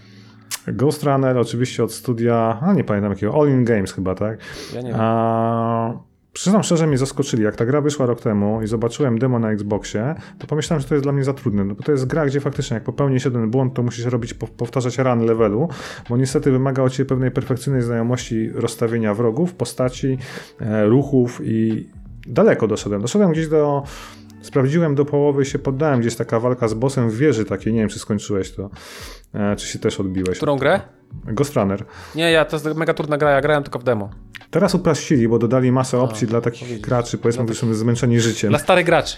starych graczy. I faktycznie można powtarzać te swoje życia, cofać w ogóle run, e, ale dużo fajnych rzeczy, bo dodali darmową aktualizację next-genową, gdzie mamy 120 klatek, 4K, O. ray tracing, jest sporo. Ale chyba nie dużo... naraz. Znaczy na pewno nie ma No masz rację, nie naraz, oczywiście, bo 120 klatek to równa się gorsza grafika, tak niestety będzie zawsze na No, konsolach, rozdzielczość, nie? Oczywiście. Na, no i na PC też tak naprawdę, no nie oszukujmy się. No, prawa, prawa tak, fizyki. tak. To czy szczerze, wystarczy 60 klatek, bo ja grałem w 30 Pewnie. klatkach. No. Fantastyczna gra i muzyka. Ghost Runner muzyka jest tak samo dobra jak w Ruinerze. Nie pamiętam twórcy, bo to jest ktoś z zagranicy, e, ale polecam soundtracka, często katuję. I żeśmy, słuchajcie, skończyli na tym etapie praktycznie wszystkie gry cyberpunkowe, bo doszliśmy do głównej gry, o której chcemy dzisiaj chwilkę pogadać, czyli Cyberpunk Tylko 2000. wymieńmy tak jeszcze hasłowo te gry właśnie, o których nie wspomniałeś. A, przepraszam, bo sobie zapisałem, że nie wspomniałem tak. Satellite Rain, e, gra, która wyszła w 2015, to jest duchowy spadkobierca Tak. Syndicate'a, prawda? Z tego co wiem, wyszło tylko na PC, ja nie gram na PC, dlatego to ominąłem. Nie jestem w stanie więcej powiedzieć, nie wiem, grałeś? Nie, Troszeczkę, troszeczkę chyba w demo albo coś takiego, ale jakoś tak, ta gra też trochę tak bez echa przeszła tak naprawdę. Ale ludzie wspominają o tym, co ciekawe, a gra No przychodzi jest, bez ale tak. nie zrobiła kariery niestety. No co, my mamy przygodówkę Red Strings Club, e, mam na czy nie Switchu- nawet w pasie. No, na, na, nie nawet czy w pasie nie jest na PC, czy może na Xboxie. Chyba na PC, na Xboxie nie ma. Bardzo fajna rzecz. tak, też, a jeśli chodzi o to jest taka bardzo fajna produktka e, 2064 Read Only Memories. Też Właśnie, mam to zapisane. No. Aha, masz. Znaczy ja to zapisałem. Nie, przepraszam, mam zapisane na swojej backlogu, nie tutaj. A, okej, dobra, rozumiem. Ja też mam backlogu. Mhm, czyli Jest polecasz. chyba na Switcha. A, Jest No jest na Switcha, tak, tak, tak, mam na Switcha. No, Beyond Steel Sky, no to No kontynuacja właśnie, Beyond Steel druga część Ty- Beneta Steel Sky wychodzi teraz chyba, dosłownie Nie, ona wyszła. wyszła, ona wyszła. Ona wyszła już W dawno. październiku chyba, tak? Nie, wyszła Na tak konsolę miała wyjść dopiero. A teraz. może, może. Ja, na, ona wyszła na Apple Arcade już dawno. A, no tak, tak. No, Transistor wiadomo, to od tego, nie, od tego dewelopera, co zrobił Hadesa, jak on się nazywają, bo zapomniałem. Mam blokadę mózgu. A, Jak zawsze wiemy o kogo chodzi, ale nie Jezu. przypomnimy sobie. Musisz No. zrobić, wiesz co, check. Wiem, dokładnie, robię teraz. E, po, oni zrobili Pyre i zrobili Tak. mm, coś tam jeszcze na początku, czekaj, co to było. Nie wiem, nie pamiętam. Kurde. Ale wiemy, że... Super Giant Games, zrobili przecież tego, Dokładnie tak. Bastiona. No Bastion, dokładnie. No, tak. ale tak, też fajną grę zrobili tego Transistora. Z To był fajnej mocno cyberpunkowy był, tak. No. I tyle, więc no wydaje i mi się, Game że... Deck, jeszcze tak szybko powiem Game Deck, to taka nowa A, polska Game gra. Deck wyszedł we wrześniu. Też polska e, gra. Na podstawie książek Marcina Przybył- Przybyłka. tak, Tak, tak. e. Zbiera bardzo dobre opinie, ale to jest stricte... Znaczy nie takie powiedzieć, że średnio, visual, nie, takie, nie tak? takie bardzo dobre do końca, takie średnio dobre, bo na przykład brakuje w tej grze bardzo dialogów. Dialogów brakuje. W sensie takim, że brakuje dialogów mówionych, wszystko trzeba czytać. A, no tak, słyszałem, że ludzie narzekają, że jest to na tekst, trochę jak No jest masa tekstu Tak? i po prostu wiesz, no... Trochę jakby budżetu zabrakło chyba. Ale to jest do poprawy, nie? W sensie No, do zrobienia. Jeśli zrobią kiedykolwiek, jeśli się sprzeda, nie? Ja im dobrze życzę, nie? No tak. To, to jest taki bardziej, wiesz, to taka bardzo, tak naprawdę to jest taki bardziej symulator chodzenia, że po prostu chodzisz i czytasz dialogi, nie? I tam naprawdę nie masz za dużo tak naprawdę wyborów. Tak słyszałem, nie wiem, nie, Czyli trochę taki grafik nowy z dużą ilością No, tekstu. trochę no, visual, tak, naprawdę. trochę tak, to tak podobno. Wiesz co, ja chętnie zobaczę, ale to znowu będzie na mojej liście obok Disco Elysium. nie? Dokładnie, No to na emeryturze. Ale nie, ale Disco Elysium, Disco Elysium to, to planuję przejść. Myślę, że to jest taki ubogi kuzyn Disco Elysium. Wiesz, myślę, że gdyby, myślę, że ta gra byłaby dużo lepiej przyjęta, gdyby nie wyszło Disco Elysium. Bo Disco Elysium Hmm. niesamowicie za, za, jakby podniosło poziom, jakby wiesz, oczekiwań wobec takich gier. Tak. To jest taki bieda Disco Elysium, nie? Dokładnie tak. Tak, wiesz. Tyle To jest, taki, słuchajcie, to jest, taki, to jest taki mamy Disco, wiesz, to jest taki mamo kup mi Disco Elysium, nie? Mamy Disco Elysium w domu, nie? Disco. Elysium w domu, game deck. Game. tak, więc tą wesołą puentą możemy mm, zakończyć temat omawiania gier cyberpunkowych. Tak jest. No oczywiście mamy Cyberpunka 2077, który wyszedł 10 grudnia 2020 Ro- ro- roku. Tak, roku pamiętnego. E, Nie mamy co się chyba za bardzo rozgadywać na temat wszystkich problemów, jaką, jakie trapią tą grę, no bo to wszyscy już o tym gadali. Cały internet to przemielił i zwrócił e, tę grę z powrotem e, na stół, kurczę, tak to wyrażę. Natomiast jeśli chodzi o... Inaczej, CDEP ma mój kredyt zaufania dlatego, bo wierzę, że no, no muszą coś, coś zrobić, żeby ta gra faktycznie na konsolach nowej generacji wyglądała, przynajmniej była zbliżona do tego, co jest na PC-tach dobrej klasy. Wierzę, że to zrobią, bo z tego co widzimy, przesunęli premierę na pierwszy kwartał 2022 roku, nawet kosztem patcha do Wiedźmina, co mnie dziwi, Tak. bo jednak Wiedźmin jest teraz marketingowo na topie. No Tym bo bardziej, że Netflix- robi go w ogóle inne studio nawet. Dokładnie. Tego patcha. Więc ja wierzę, że oni jednak to wypuszczą i, i to powinno wyglądać dobrze i, i niech oni to zrobią po prostu. Ja też uważam, że to jest dobry znak, że oni to opóźnili. Bo oni mogli to wypuścić, mogli wypuścić byle jakiego patcha, gówno patcha. Protezę tylko jakąś, wiesz. Taką, Powiedzieć, taką- macie, to już mamy, już mamy tego patcha, co wam obiecaliśmy, już nam dajcie spokój. Nara, tak. Tu jest No. ray tracing, jakieś tam odbicia, reszta Tak. nieistotna. A, A mi się wydaje, że chcą, oni jednak im zależy, bo oni widzą, jak strasznie stali się, wiesz, pośmiewiskiem i stali się memem, stali się żartem. Niestety. I jak była ta kampania reklamowa Only in Cyberpunk, nie wiem, czy kojarzysz, jak, jak ją po prostu, jak ją, wiesz, społeczność ją tak wyszydziła, bo oni chcieli zrobić taką kampanię, że na przykład tam, nie wiem, tam ileś tam, ileś tam, ileś tam zostało, y, to były takie statystyki, że na przykład gracze na przykład tam, nie wiem, y, zrobili milion questów, zabili milion, milion ludzi, Tak, nie? tak, tak, tak. I wiesz, i community zrobiło taką parodię, że zero pocisków z samochodu zostało wystrzelonych, nie? Bo, bo, bo, bo No się tak, nie się da. nie da strzelać. No. Bo się nie da, nie? I coś tam jeszcze tam, zero DLC, wiesz, zero fabularnych DLC zostało, wiesz, wypuszczonych, nie? Hmm. I tam była taka cała parodia, wiesz, zrobione to dokładnie na ten, nie? No. Bartek ma fajną, fajną wizję, w sensie on twierdzi, że to będzie po prostu Cyberpunk 2.0, który wyjdzie od Mhm. nich ten super patch i wiesz, i pokaże jednak te DLC-ki, super jakość na konsolach i oni odzyskają tą dobrą reputację. Bardzo bym ja, chciał, żeby tak wierzę. było. Uważam, że szansa jest 10%, ale, ale jest, tak więcej niż zero. Ja myślę, że 50-50, albo to zrobią, albo nie, no nie ma co dywagować chyba. A, nie, nie, ja samą grę przeszedłem, jak tak chwilę gadamy o Cyberpunku dwa razy e, i, i powiem Ci, że bawiłem się dobrze, ale miałem zupełnie właśnie inne podejście chyba od Ciebie i od graczy na zasadzie, że dla, ja wiedziałem, że to nie będzie RPG, tak jak reklamują na zasadzie Wiedźmina, tylko zrobię sobie taką przygodówkę, gdzie będę miał GTA możliwość gdzieś sobie pójścia, pogadania z kimś, przeżycia fajnej Znaczy, Wiesz co, historii, ja, ja to chciałem zrobić, ale mi po prostu bugi, wiesz, mi, mnie po prostu bugi tak wyrywały z imersji, jak grałem, że Mhm. po prostu no, no nie mogłem tego zrobić, bo po prostu, wiesz, jak ja sobie, wiesz, siedzę i gadam z Jackiem, a mi, wiesz, słyszę jakieś dziwne dźwięki, y, wiesz, w tle, jakieś takie, wiesz, y, y, krzyki, przekleństwa, jakieś rozbijanie metalu o metal i okazało się, że, wiesz, Te obok samochody miejsca, na zakrętach, że to, nie? tak, te legendarne samochody na zakrętach, które po prostu wbijały się w bariery, ponieważ jedna osoba y, zaprogramowała, bo tam nie ma AI, nie? I samochody No poruszają się po sznurkach. Samochody poruszają się po z góry ustalonych trasach. Tak, bo one stoją w miejscu, jak jest przeszkoda, nie? No, nie ale właśnie o to chodzi, że ktoś zaprojektował, że samochód będzie się poruszał po takiej, takiej trasie i robił zakręt, a ktoś inny u, umieścił betonową barierę na drodze tego samochodu, wiesz, obok drogi, ale na tyle blisko, że ten samochód, że każdy samochód, który przyjeżdżał w nią uderzał. Tak. I uderzał i na przykład drzwi mu odpadały. I wiesz, ja po prostu miałem, miałem po prostu taką, wiesz, kilka takich, po prostu takie, wiesz, taki, taki po prostu taką kupę złomu, nie? Takie, wiesz, kawałki drzwi, jakieś Tak, ja to widziałem też. Ja to miałem pod blokiem ja to nagrałem. No, no dokładnie. I to wiesz, i to jeszcze gdzie? Nie w jakimś wiesz, e, rogu, gdzie żaden gracz nie wiesz, normalny nie trafi. centralnie, na- na wyjściu Tylko to centralnie bloku, po wyjściu Tak. z budynku, po prostu coś takiego. No i wiesz, mnie to po prostu. To, było, to była jedna z wielu, to nie była jedna rzecz. Na PC w ogóle były, sorry, taki lekki rant tu zrobię, ale e, Cyberpunk, e, no, deweloperom Cyberpunka udało się zrobić ray tracing, którym odbicia się były nieprawidłowe. Bo ja odkryłem, że jak się Da się tak? no, oni to zrobili. Mam filmiki na moim kanale simplex.pl. Yy, Było tak, że na przykład były odbicia yy, w kałuży poprawne do pewnego momentu, ale jak obniżyłeś kamerę, yy, wiesz, ileś tam stopni w dół, tak że przestało być widać te, te odbicia na, na, na, na ekranie, to one nagle się zmieniały na inne. One się dosłownie Brzmi zmieniały na inne losowe odbicia i ja to w kilku miejscach znalazłem. I to, i to było z włączonym ray tracingiem, nie? No. Więc Ale tak. zakładam, że wiesz co, ja, ja nie widziałem Cyberpunka na PC, tak, znaczy u kogoś rzuciłem okiem, to jednak kolosalna różnica względem tego, co no, dostaliśmy na konsolę. Tak, i graficznie jak najbardziej to jest, ta gra ła- ładnie wyglądała, ale i tak ilość tych bugów, które tam były, to Przerażała. mnie, mnie, mnie nie inaczej.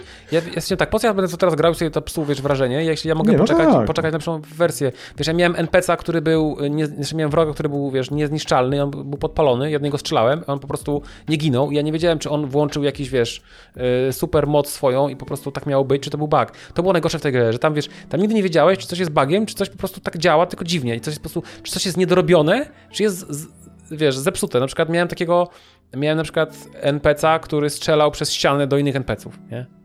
Super, przy jakaś ścianie i do strzelał. zdolność, nie? No tak, no i właśnie, no i wiesz, napisałem to na, o tym na forum Poli i obrońcy Cyberpunka zaczęli mi wmawiać, że on miał po prostu, wiesz, broń, która strzela przez ścianę, bo są takie bronie. Wiesz, co ja No jasne, zrobiłem wtedy? penetrują, tak. No, a wiesz, co ja wtedy zrobiłem? Ja wtedy go zabiłem i zebrałem po nim broń. Okej. I nie, on nie miał broni, która strzela przez ścianę. Słuchaj, Wiesz, to może nie znęcajmy się Ludzie, już ludzie, tak mieli, jeszcze jeszcze rzecz, ludzie mieli takiego baga, na przykład, że ta właśnie jedna z postaci z, z Questa po ukończeniu Questa nie znikała, tylko chodziła za nimi przez całą grę. Rozumiesz?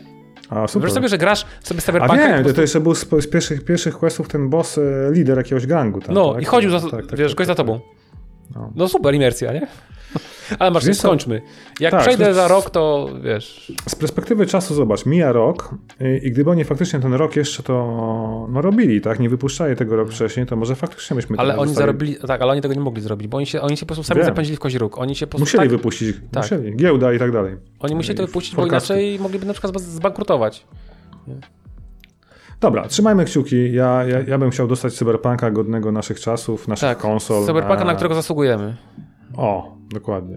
Więc słuchajcie, na koniec zostało nam trochę jeszcze dzieł popkulturalnych, tak wracając do początku naszej rozmowy dzisiejszej. Omówmy, omówmy, sobie, omówmy troszkę, przynajmniej, przynajmniej książki, jak nie filmy, to przynajmniej książki. Wszystko omówimy. Okej? Nie, no żartuję. Mamy tu parę rzeczy, które chcemy szybko wam opowiedzieć odnośnie właśnie cyberpunku, jeszcze odnośnie popkulturki, tego skąd, skąd ten, jak ten cyberpunk ewoluował w popkulturze, poza równolegle do nurtu gier, o którym przed chwilą mówiliśmy. Cofamy się do 84, mamy Williama Gibsona jako ojca gatunku, przynajmniej tak jest nazywany do dzisiaj, czyli jego trylogia ciągu, tutaj mamy Neuromancera, e, Grafa Zero, Mona Lisę Turbo. E, w ogóle wyszło wznowienie takie właśnie trzyczęściowe, wydane w Polsce niedawno, polecam zakupić, bo i tanio i dobrze. E, fantastyczna historia oczywiście o, szczególnie Neuromancer, o hakerze Casey, który tam, zresztą gadaliśmy o tej grze, Case. który tam mamy sztuczną inteligencję, hakowanie, mamy te ICE, czyli te logiczne oprogramowania defensywne, mamy różne kultowe teksty, powiedzenia, fantastyczna historia. Gibson jest aktywny do dzisiaj, pisze książki. Ostatnia jego książka to jest Peripheral, o tak to się Pe- nazywa. Peripheral, który jest w ogóle sequelem do jego poprzedniej. Nie, nie, mi się wydaje, że po Peripheral już coś jeszcze wydał. Zaraz sprawdzę. Sprawdzimy. Wydaje mi się, że do okazji- Peripheral. Tak, wyszła jeszcze trylogia Mostu, jego druga, drugi Tak. zbiór trzech fajnych powieści takich kultowych, e, która też wyszła teraz niedawno, bo w te wakacje zbiorcza, nie pamiętam to w Polsce wydaje, sprawdzicie sobie. Trylogia Mostu to jest Idoru, Wszystkie Jutra i Wirtualne Światła. To jakby jest to, Światło. to są jakby takie dwie, dwie, tak, dwie żelazne pozycje od Gibsona. Natomiast jeżeli ktoś nie jest pewny, czy Gibson mu pasuje, niech kupi sobie jego zbiór opowiadań pod tytułem Wypalić chrom, który dosłownie mówi Znaczy, o jak, jak, Ten tytuł, mam nadzieję, że nie wiem, to się zmieniło, bo ten tytuł, w, ten tytuł w oryginale miał, mia- miał tytuł Burning Chrome, Wypalić Chrome, ale on w Polsce był wydany y, jako Johnny Mnemonic, y, ze względu na Tak. film. A teraz wydali właśnie A, Wypalić super, Chrome, i e, super. wznowienie, w którym właśnie jednym z opowiadań jest Johnny Mnemonic, e, o którym powstał film z, e, z tym, z Keanu Reevesem w rolach głównych.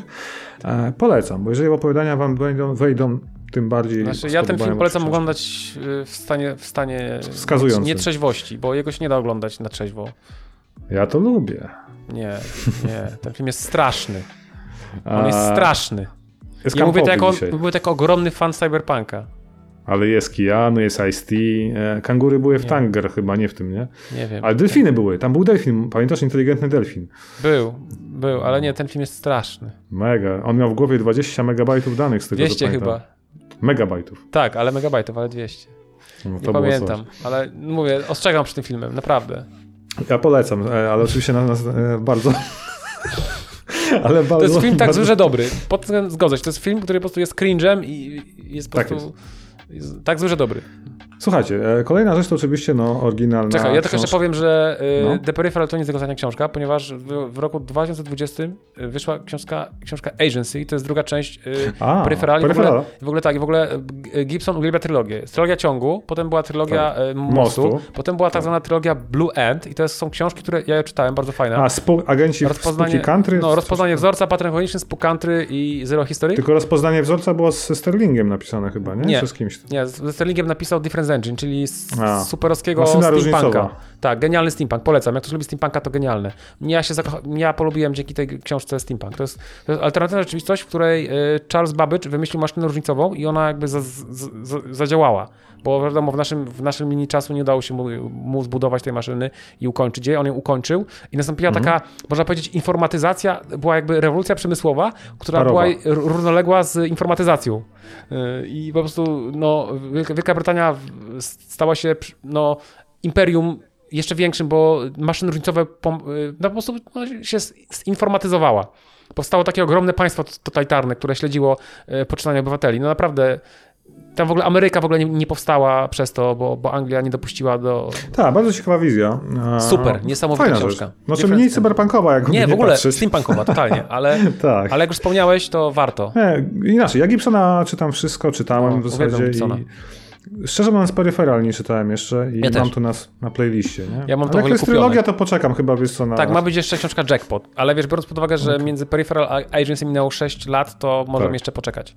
A on jest trochę stary już, nie? No, on ma się 3 lata, także kto wie. No, ale też polecam tą trylogię Blue End. Oczywiście ży- życzę Gibsonowi, Mhm. aby żył jak najdłużej. Yy, 100 lat albo więcej. No, ale polecam też tą trylogię Blue End, Pattern Recognition, Spook Country, Zero History. Tam w ogóle nawet taki, taki Polak jest w ogóle, taki jest polski akcent. No jest to wizjoner na swój czasy w latach 80.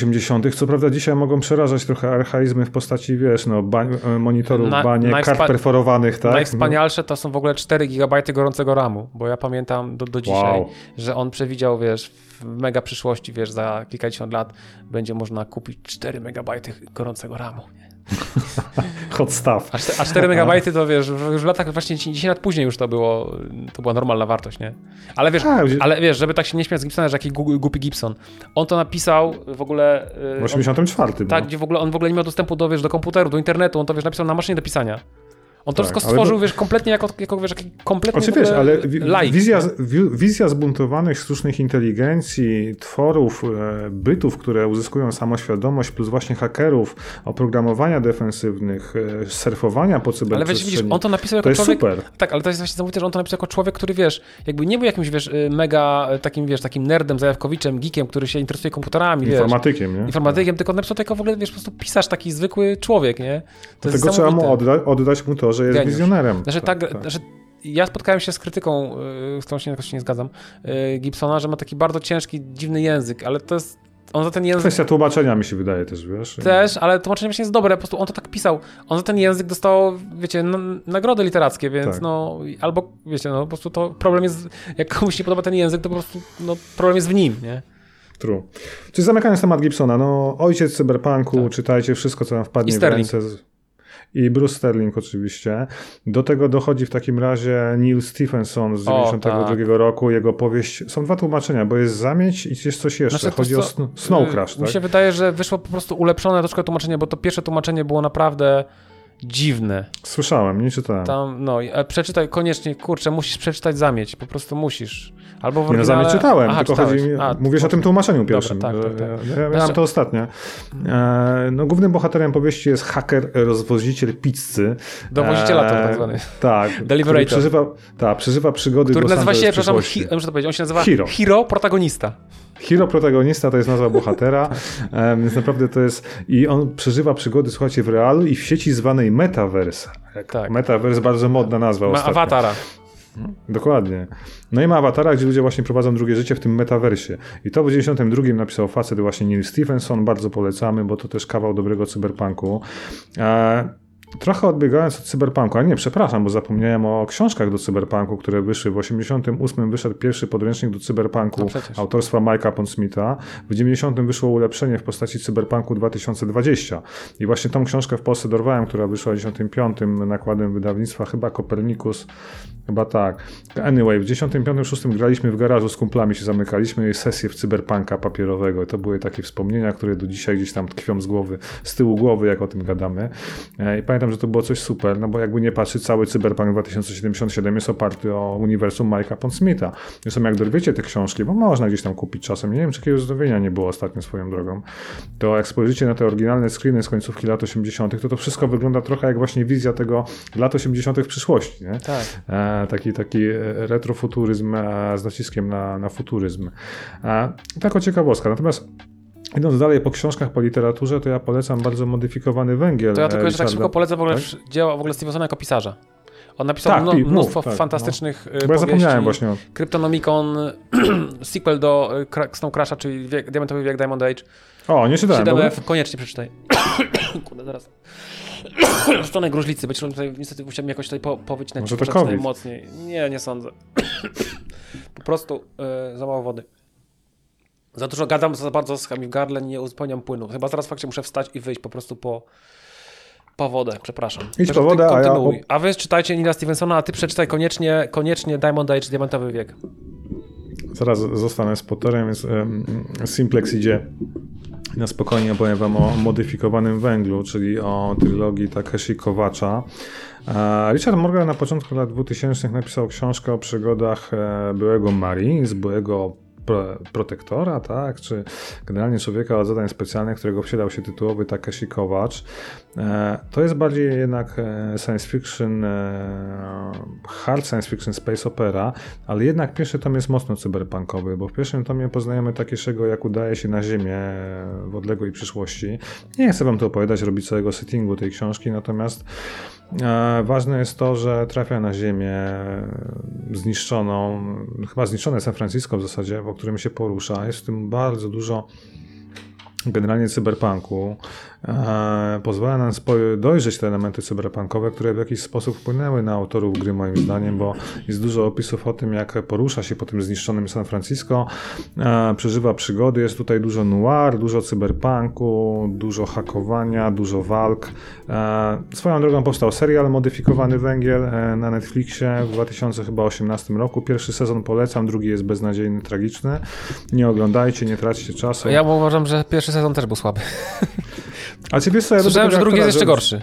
Wiem, ja też go bardzo lubię. Koszmarny. Ja też go bardzo znaczy, lubię. Pierwszy sezon był fajny, wiesz co, ładnie pokazali tę ulicę, mia, miast, miasto przyszłości. Tak. Jedna ulica grała miasto przyszłości. Tu się zgodzę, ale było wiesz, widać mnie, ta, mnie tam na przykład tam były tacy, drewniani aktorzy, wiesz, ten, ta, ta, ta Mhm. policjantka, ta, ta latynoska była takim drewnem. Niestety. Nie, to był Mieli zawód. fajny materiał wyjściowy. Tak. Moim zdaniem, wiesz, schrzanili to. To prawda. Zmarnowali potencjał. Ale wizualnie fajnie. Ja tego Joela, to się chyba, ten aktor chyba się Joel Kinnaman nazywa. Tak Ja jest, go bardzo szwedzki. lubię, bo on grał Holdena w The Killing chyba, takim serialu, nie wiem, Tak. czy kojarzysz. Tak, tak, Grał w ogóle Robocopa, w tym re- re- remake'u Robocopa, który Tak. nie był aż taki tragiczny. Ja go bardzo lubię i dlatego też oglądałem ten serial, głównie z, no, na niego, no i na Cyberpunka. Ale po prostu to, co zrobili z tym, to było... Ja po trzech albo czterech y, odcinkach odpadłem od niego niestety. Lecimy dalej. Fajne Tak. książki bieżące, które bardzo mocno zahaczają, bo trzeba od razu sobie jasno powiedzieć, że kiedy CD Projekt ogłosił pracę nad cy- cyberpunkiem, było w miarę spokojnie, bo to był 2013 rok, jak pierwszy teaser wyszedł. Natomiast im bliżej było 12 do nawet. premiery, Znaczy, Nawet 12 12 zobacz. zapowiedzieli, że w ogóle gra powstaje. Okej. E, Im bliżej było do, do, do, do daty premiery, do dnia premiery, tym więcej szło pieniędzy na marketing, na, na, na, ten, na ten fame i bardzo dużo różnych branż, czy też Podpięło gałęzi się. popkultury podpięło się. Podpięło dokładnie. się, no. Stąd dlatego bardzo dużo książek, na przykład, o których dzisiaj gadamy, bo chciałem wam polecić tak, Cyberpunk, Cyberpunk Girls, czyli zbiór opowiadań pisany przez autorki, e, które bezpośrednio i pośrednio pracowały nad Cyberpunkiem 2077. Więc są bardzo fajne historie, opowieści od ludzi, którzy zajmują się scena, Nie scenariuszami. znałem tego. tak. Polecam. To akurat jest bardzo fajny zbiór. Cyberpunk Girls, e, zbiorcze wydanie, nie pamiętam kto Super. wydał, przeszukania. Kolejna rzecz to jest Mrok nad Tokio Ramą, e, bardzo znanego polskiego autora Roberta J. Schmidta.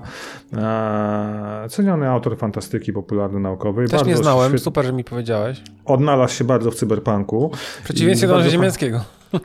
Dokładnie tak. W przeciwieństwie do Andrzeja Ziemiańskiego, który napisał bardzo słabe cyberpunk Odrodzenie, bardzo sztampową historyjkę o, o policjantce czy policjancie, już nie pamiętam nawet, który się wdziera do jakiegoś miasta, gdzie walczy z gangami i o tym jest książka w skrócie, czyli o niczym. Tak? E, I, I nawet w ogóle tam nie ma cyberpunku, tak szczerze mówiąc, więc nie wiem, no, no jest jakieś AI i hakowanie, ale to jest, wiesz, na siłę dorzucone. Szkoda, bo ten autor ma parę fajnych rzeczy, jak Toy Wars i Toyland o takiej, e, chciałem powiedzieć, no tak, bo to główna bohaterka jest narkomanką, prostytutką, byłą w zasadzie. Czyli E, lo, która- low life, nie? Low life, high tech i No to dokładnie. jest właśnie, Pięknie, to polecam. stary, to- Toy Wars, Toyland. Dodaję do, wiesz... Polecam. No i nowa rzecz, bardzo nowa rzecz, którą przeczytałem niedawno, bo miesiąc temu. Nazywa się to Algorytm życia pani Marty Sobieckiej. E, Widać, że autorka świetnie pojęła w lot, o co chodzi w cyberpunku, ale przede wszystkim w Ghost in the Shell, bo książka opowiadała o detektyw japońskiej policji i to są takie nie, luźno ze sobą powiązane śledztwa, która prowadzi ta pani detektyw. Jest bardzo dużo, no bo, bo, bo ta detektyw jest generalnie specjalistką do spraw walki z cyberprzestępczością, więc mamy oczywiście zbuntowane bioroboty, super hologramy, mamy zbuntowane AI, ale, ale nie tak oczywisty sposób podane, jakby nam się wydawało, tylko jest tym drugie dno, jak czytamy, więc e, naprawdę... Algorytm jest życia, fajny- tak? Algorytm życia, tak. Dosyć świeża te, świeża, świeży temat Marty Sobieckiej, bardzo fajna rzecz, To jeśli polecam. robisz polecankę, to ja robię antypolecankę, bo jest taka książka, Dobra. która nazywa się Cyberpunk 1982-2020. Kupiłem ja też ją niestety. kupiłem niestety. Opowiedz, opowiedz. Co, co ci się Znaczy- nie podobało? Ja ci, ja ci Znaczy, opowiem, co mi się nie Powiedz ty, podobało. bo ja wiesz, bo ja, bo ja ją kupiłem, po czym przeczytałem opinię i już jej nie przeczytałem, bo słyszałem, że totalnie po łebkach wszystko traktuje, jest mega, wiesz, taka Wiesz co? To jest, książka, to jest książka nieskierowana do nas, czyli No ludzi, właśnie. którzy siedzą w temacie, którzy oglądali Matrixa, wychowali się Mhm. na Ghost in the Shell, generalnie to wszystko, co, o czym dzisiaj powiedzieliśmy, znają. To jest książka dla osób, którzy nie wiedzą, czym jest cyberpunk, Mhm. skąd się wziął ten nurt i, i dlaczego warto e, kupić tę książkę. Czyli tak można powiedzieć, nie chcę obrażać autora, bo to nie jest Wikipedia wrzucona w książkę ładną okładkę, Mhm. natomiast na swój sposób to jest pewna praca zbiorcza. Jakbyś pisał magisterkę albo nawet robił doktorat, to mógłbyś sobie to przepisać i zrobić coś podobnego. To oczywiście pewnie obrażam autora i jego chęci, czy też e, może miał na myśli coś lepszego pisząc to. Dla mnie to niestety jest taki zbiór e, no, rzeczy, które znamy, Tam nie ma nic jakby, wiesz co, ani ciekawostek. Mhm. Bo jeżeli piszesz książkę, nie wiem, o Matrixie, to na pewno dokopiesz się do jakichś niesamowitych rzeczy, o których nikt, nikt nie wie. Teoretycznie, nie? Mhm. Albo podasz takie rzeczy, które są rzadko- spotykane, jeżeli o czymś rozmawiasz w danym temacie, a tam nie ma nic i niestety nie polecamy. Cyberpunk, historia cyberpunku. Mhm. Jak się nazywa? 1982, coś tam, coś tam. 2020. Oczywiście musiało być 2020 w nazwie. No. tak. Dobra, a przypomnisz raz tą książkę, co powiedziałeś wcześniej? Tą polską... Algorytm, algorytm życia, Okej, e, Marta Sobiecka, tak. E, Świeżo, I mogę ci Niebo nad. Tokio Ramą? Wyślę ci, Tak? dobra. Mrok nad Tokio Mrok nad Ramą. Tokio Ramą. Tak, Tokio Ramą. E, To co się polecasz. dzieje w Low, Lower Silesia District Megalopolis. O. Bardzo fajna. Oczywiście przenosi się do Tokio, ale to już bez zdradzania Mhm, szczegółów. mhm. Bardzo mi się z Deus Exem skojarzyło. Wiesz, Stary, to... Say no more. No, polecam, bardzo dobra rzecz. Chyba druga, rzecz, druga część będzie, muszę poszperać. To z takich bieżących tematów. E, Zostały nam oczywiście filmy, seriale, tego dużo nie ma tak naprawdę, jeśli chodzi No, i o sam ma, nic, nie ma prawa nic dobrego. Niestety. No proszę cię, jest Blade Runner z 82. No nie, no tak, oczywiście, ale Tylko oczywiście Blade Runner Ridleya Scotta to jest jeden z niewielu przedstawicieli I to e, nie filmów, które są dosłownie osadzone w tej mrocznej przyszłości. Nie? I to też nie do końca jest cyberpunk. No dokładnie, bo ta- bo to- bo to na podstawie- Historia, tak. tak. Ono zostało jakby włączone w ten kanon cyberpunka po fakcie, jak już się ten gatunek Tak. ukonstytuował, no nie? Przez to, że jest pokazany świetnie Los Angeles w przyszłości, a, a to, że jest łowca, de, łowca androidów, czyli detektyw policji LAPD polujący na tytułowych właśnie replikantów, no to jest jakby coś zupełnie niezwiązanego z cyberpunkiem. Fajne są pojazdy, te spinery, fajna jest broń. Zresztą umarł ten, nie wiem czy wiesz, ale zmarł e, twórca, ten projektant Sid Mead, Mhm. nie? Od spinerów i broni Blade Runnera. On zresztą jest jeden z naj- bardziej znanych projektantów, tam był w Stanach, wiesz, pomagał na wielu, wielu planach filmowych, wiele rzeczy wprowadził do, do gospodarstw AGD z produktów. Dowiedziałem się dlatego, że kupiłem nowy komiks Blade Runner 2019, mocno polecam. Rzuciłem na Instagrama, więc jak wejdziesz, albo drodzy słuchacze, wejdziecie, tam jest krótka recenzja, opis historii. Bardzo fajna rzecz. Okazuje się, że teraz zaczynamy dostawać coraz więcej rzeczy z uniwersum Blade Runnera, bo chyba ta firma Alcon i dogaduje się już, zaczyna udzielać licencji. Szczególnie po takim powiedzmy, no może nie sukcesie finansowym Blade Runnera 2049, ale jednak sukcesie artystycznym. E, I wyszedł teraz komiks zbiorczy Blade Runner 2019 na polskim rynku. Ja dosłownie go parę dni temu przeczytałem. Bardzo fajna historia, która również rozgrywa się równolegle do tego, co działo się w filmie, mhm. ale przechodzi przez te lata do 2026, więc mamy Blackout z 2022, to jest integralną częścią historii Blade tak. Runnera e, i parę innych rzeczy. Bardzo fajna rzecz. Za chwilę wychodzi w zasadzie premierę, ma dzisiaj, jak to nagrywamy, serial Blade Runner Black Lotus, niestety tylko na Crunchyrollu, ale co ciekawe, na Xboxie jest darmowy dostęp dla wszystkich do serwisu Crunchyroll na 70 Bo dni. Bo ktoś kupił w ogóle tego Crunchyrolla niedawno, nie wiem czy to... Ktoś kupił, tak, tak. Nie pamiętam, Adult Swim chyba, tak, czy nie? Adult TV. Nie, nie, Ci, teraz niedawno ktoś go kupił. A, muszę zobaczyć. Polecam, bo ja sobie przetestować, tylko nie wiem, czy nie ma regionalizacji i nie zobaczymy Blade Runnera u nas w Polsce. Sony kupiło A... Crunchyrolla, mój drogi. No, no dobrze. Sony kupiło za 1.2, ale to było w ogóle w, w, w sierpniu, za 1,2 miliarda dolarów. Zamiast produkować więcej PlayStation 5, to oni kupują serwisy za miliard dolarów. No, czyli Crunchyroll powinien być za darmo dostępny na, na, na PlayStation, nie? Tak jest.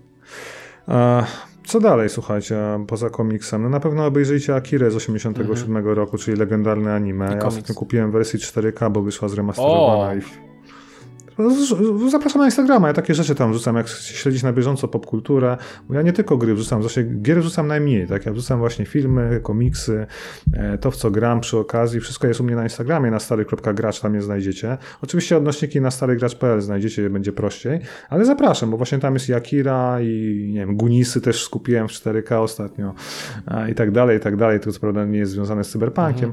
Mhm. Ghost in the Shell też wyszło kolejne wznowienie teraz kolekcjonerskie 4K, też kupiłem, krótka opinia na Instagramie, no klasyczne anime z 95 roku z reżyserii Mamoru Oshii. Z takich filmów jeszcze bardziej um, no Strange Days, czyli Dziwne Dni z Ralphem Fiennesem. Pamiętasz, takie coś było pod koniec lat 90. To było niezłe, nie? Takie, może nie cyberpunkowe, ale jednak mroczna przyszłość, braindensy tam były. To było ciekawe, tak, że kupowano tak. się na, so, na, na, tych Sony, na tych mini dyskach Sony, wiesz. To były mini dyski Sony, faktycznie, te małe płytki, nie? Tylko bez etui chyba, one były wyjmowane takie, no, no, pamiętasz, same płytki. Coś takiego było. Tak. Takiego. Ja myślę, że tutaj też Braindex był zerżnięty pomysł do, do, do, do przepraszam, inspiracja tak. e, e, dla twórców e, e, cyberpunka. I powiem wam tak szczerze, że możemy zamykać jakby te, te, te, ten odcinek, bo chyba udało nam się powiedzieć wszystko, jakby wrócić do... No, tak jak zakładałem, dwie godzinki. Brawo ty. E, ja już celuję, już z tyłu głowy nam zawsze ile będziemy gadać o danym temacie. Super. Oczywiście myślę, że pominęliśmy tutaj sporo tematów. Jest taki jeszcze serial New Rose, taki film New Rose Hotel, który też jest na podstawie opowiadania y, Gibsona i tylko okay. on ma też bardzo słabe, bardzo słabe i to jest w ogóle, to jest w ogóle cyberpunk erotic drama. Czekaj, czekaj, ale zobacz, Stary... Hotel New, New, Rose Hotel był przecież w cyberpunku. No to ty mówię, no to ja o tym właśnie no. mówię. On był w opowiadaniu, on był w opowiadaniu New Rose Hotel y, w tym, w tym zbiorku Wypalić Chrom.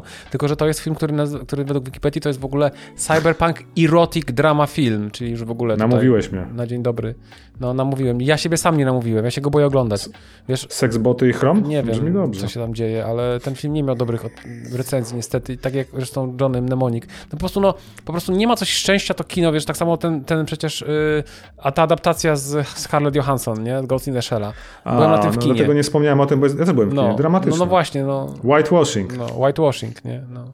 Także Washington. Najbardziej mi się podobał, wiesz co, Takeshi Kitano w roli dyrektora sekcji dziewiątej, mm. bo on jest fantastycznym aktorem, nie? E, ten z rewolwerem gościu kojarzysz, taki boss tej, tej dywizji, mm. co tam na końcu strzela, nie? I ratuje. To było super, ale no, parę ujęć było niezłych, ale generalnie nic wspólnego to nie miało z anime poza postaciami, ich e, scenografią i miejscem akcji. Ale tak jak mówisz, no, ja myślę, że teraz tak naprawdę e, po tym jak Cyberpunk wyszedł, trochę hype opadł. Mam nadzieję, że wróci po tym e, aktualizacjach i nowej wersji Cyberpunka, że dostaniemy trochę jeszcze fajnych dzieł, bo to jest bardzo wdzięczny temat. On przez, przez, wiesz, problem jest taki, że na przykład ja nie lubię fantazy, nie ja lubię też, ja też. nie lubię tego błota, wiesz, ja włóczni. Tak, Ty... Jak mi ktoś mówi, że gra, wiesz, w Kingdom Come Deliverance, gdzie biegasz wieśniakiem ze świniami w błocie, to ja znaczy, mówię, Boże. Co, w to mógłbym jeszcze grać, bo to nie ma, bo to nie ma, bo to nie jest fantazy. O, okej, to, jest jest fantazja. średniowiecze. No. To jest średniowiecze.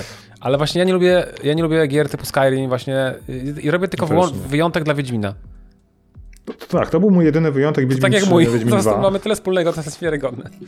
Hmm. Po prostu, jesteś po prostu brother from another mother. I widzisz, dlatego ja jestem wielkim fanem science fiction i tego wszystkiego, co się, co się tyczy Tak. tego gatunku, jeśli chodzi o gry, popkulturę, czyli literaturę, filmy, seriale. I to mogę poświęcić czas na tego, nie mam, to znajdę, obejrzę, zagram. I, I cieszę się, że tyle tych rzeczy wyszło, nawet teraz tak podsumowując sobie, że jednak trochę było tego w moim życiu. E, mam nadzieję, że będzie tego coraz więcej i mam nadzieję, że ten odcinek podobał się słuchaczom, drodzy słuchacze, drodzy widzowie YouTube'a. Dajcie głos. A, dajcie głos, komentujcie. Wiecie, że mi też zależy na łapkach w górę i subskrypcjach, bo już jest 250 subskrypcji, to już jest coś w pół roku. Nie? No to jest w ogóle niesamowite. Na- Ty, ty mnie zaraz przegonisz, coś czuję. Potem będziesz musiał, Mówiłem, że cię gonię. będziesz musiał mi potem wiesz, sprzedać swoje sekrety, nie? No, Po prostu jestem szczery i, i, i nagrywamy, wydaje mi się, całkiem fajne materiały i tyle, nie? Um, drodzy, na zakończenie klasycznie wam powiem, wpadajcie na mojego Instagrama, Facebooka, bo tam też lubię, jak mnie obserwują i rośnie. Tam mam prawie 1000 obserwujących już. Brakuje mi 30 osób, żeby przekroczyć magicznego tysiaka. To nic nie daje, nic nie wnosi na Instagramie, tylko fajnie wygląda. A już można iść w stronę jakiejś pato-influencerki, że tak się wyrażę.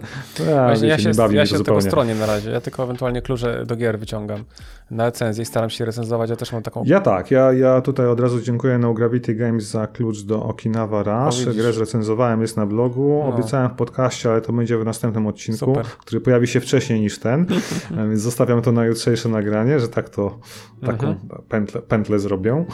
E, Ale tak, masz rację, bo to właśnie tego zmierza, że ja, no, okej, ktoś, ktoś chętnie da, da klucza, chętnie zrecenzuje, przejdę. No. E, Natomiast nie wyciągam ręki po wszystko, bo absolutnie ani nie mam czasu, ani No ochoty, właśnie. ani ja mo- już moje stworzyłem, ja ograniczenia. już sobie stworzyłem po prostu, wiesz, ja mam po prostu, ja mam po prostu, wiesz, mam backloga, wiesz, gi- gier, które dostałem do recenzji, to już jest po prostu patologia w patologii. Słuchajcie, to na koniec. Starygracz.pl, wchodźcie na Instagrama, Facebooka, tam są też przekierowania. Wchodźcie oczywiście na mkwadratpodcast.pl. Dobrze powiedziałem? M kwadrat podcast, tak? Bardzo dobrze, M kwadrat podcast. Dobrze, już myślałem, że pomyliłem się z tym Nie, dodatkiem nie. podcast. E, Łukasz, ja Ci bardzo dziękuję za ten odcinek, bo szukałem właśnie osoby, która też siedzi w temacie. Nie mogłeś lepiej trafić, znaczy pewnie mogłeś, ale uważam, że jestem niezłą osobą do tego. Zresztą niech osądzą, niech historia mnie osądzi. Tak, e, drodzy słuchacze, drodzy widzowie, dajcie znać, czy Wam się podobało, czy więcej takich odcinków przekrojowych robić, czy to był pomysł z dupy i Wam się nie podobał, bo za dużo gadaliśmy nie o grach, tylko o wszystkich innych tematach. Jeszcze tak tylko szybko powiem, że Press razem z Dave'em, Dawidem- Rynkowskim z Crocketcastu, nie, z Chronicastu nagrali też odcinek o Cyberpunku parę miesięcy temu, więc warto posłuchać. Też. To ja wrócę sobie w takim No, razie. do Chronicast. Dziękujemy. Prawie dwie godzinki nabite. Pięknie. Ja się z wami żegnam. Do usłyszenia za dwa tygodnie przed świętami. Jeszcze powinniśmy coś wypuścić. Tak, na pewno. Będzie Game Awards, będzie o czym gadać. Może się złapiemy, może nie. Zobaczymy. Z Simplexem na łączach, więc No, ja mam zawsze- nadzieję, że uda się zaprosić, że uda się z Rafałem nagrać y, wspólny odcinek. o, super. Mam nadzieję, nie, nie chcę, tutaj różne, różne rzeczy się mogą dziać, wiecie. Człowiek robi plany, Bóg się śmieje. Jesteśmy w niedoczasie. No, tak. dokładnie, ale Klasycznie. planujemy, nie chcemy tutaj zapeszać. To Łukaszu, na koniec. Dzięki. Pożegnam się. Dziękuję, trzymajcie się. Cześć, dzięki, do usłyszenia. Pozdrawiam. Pa.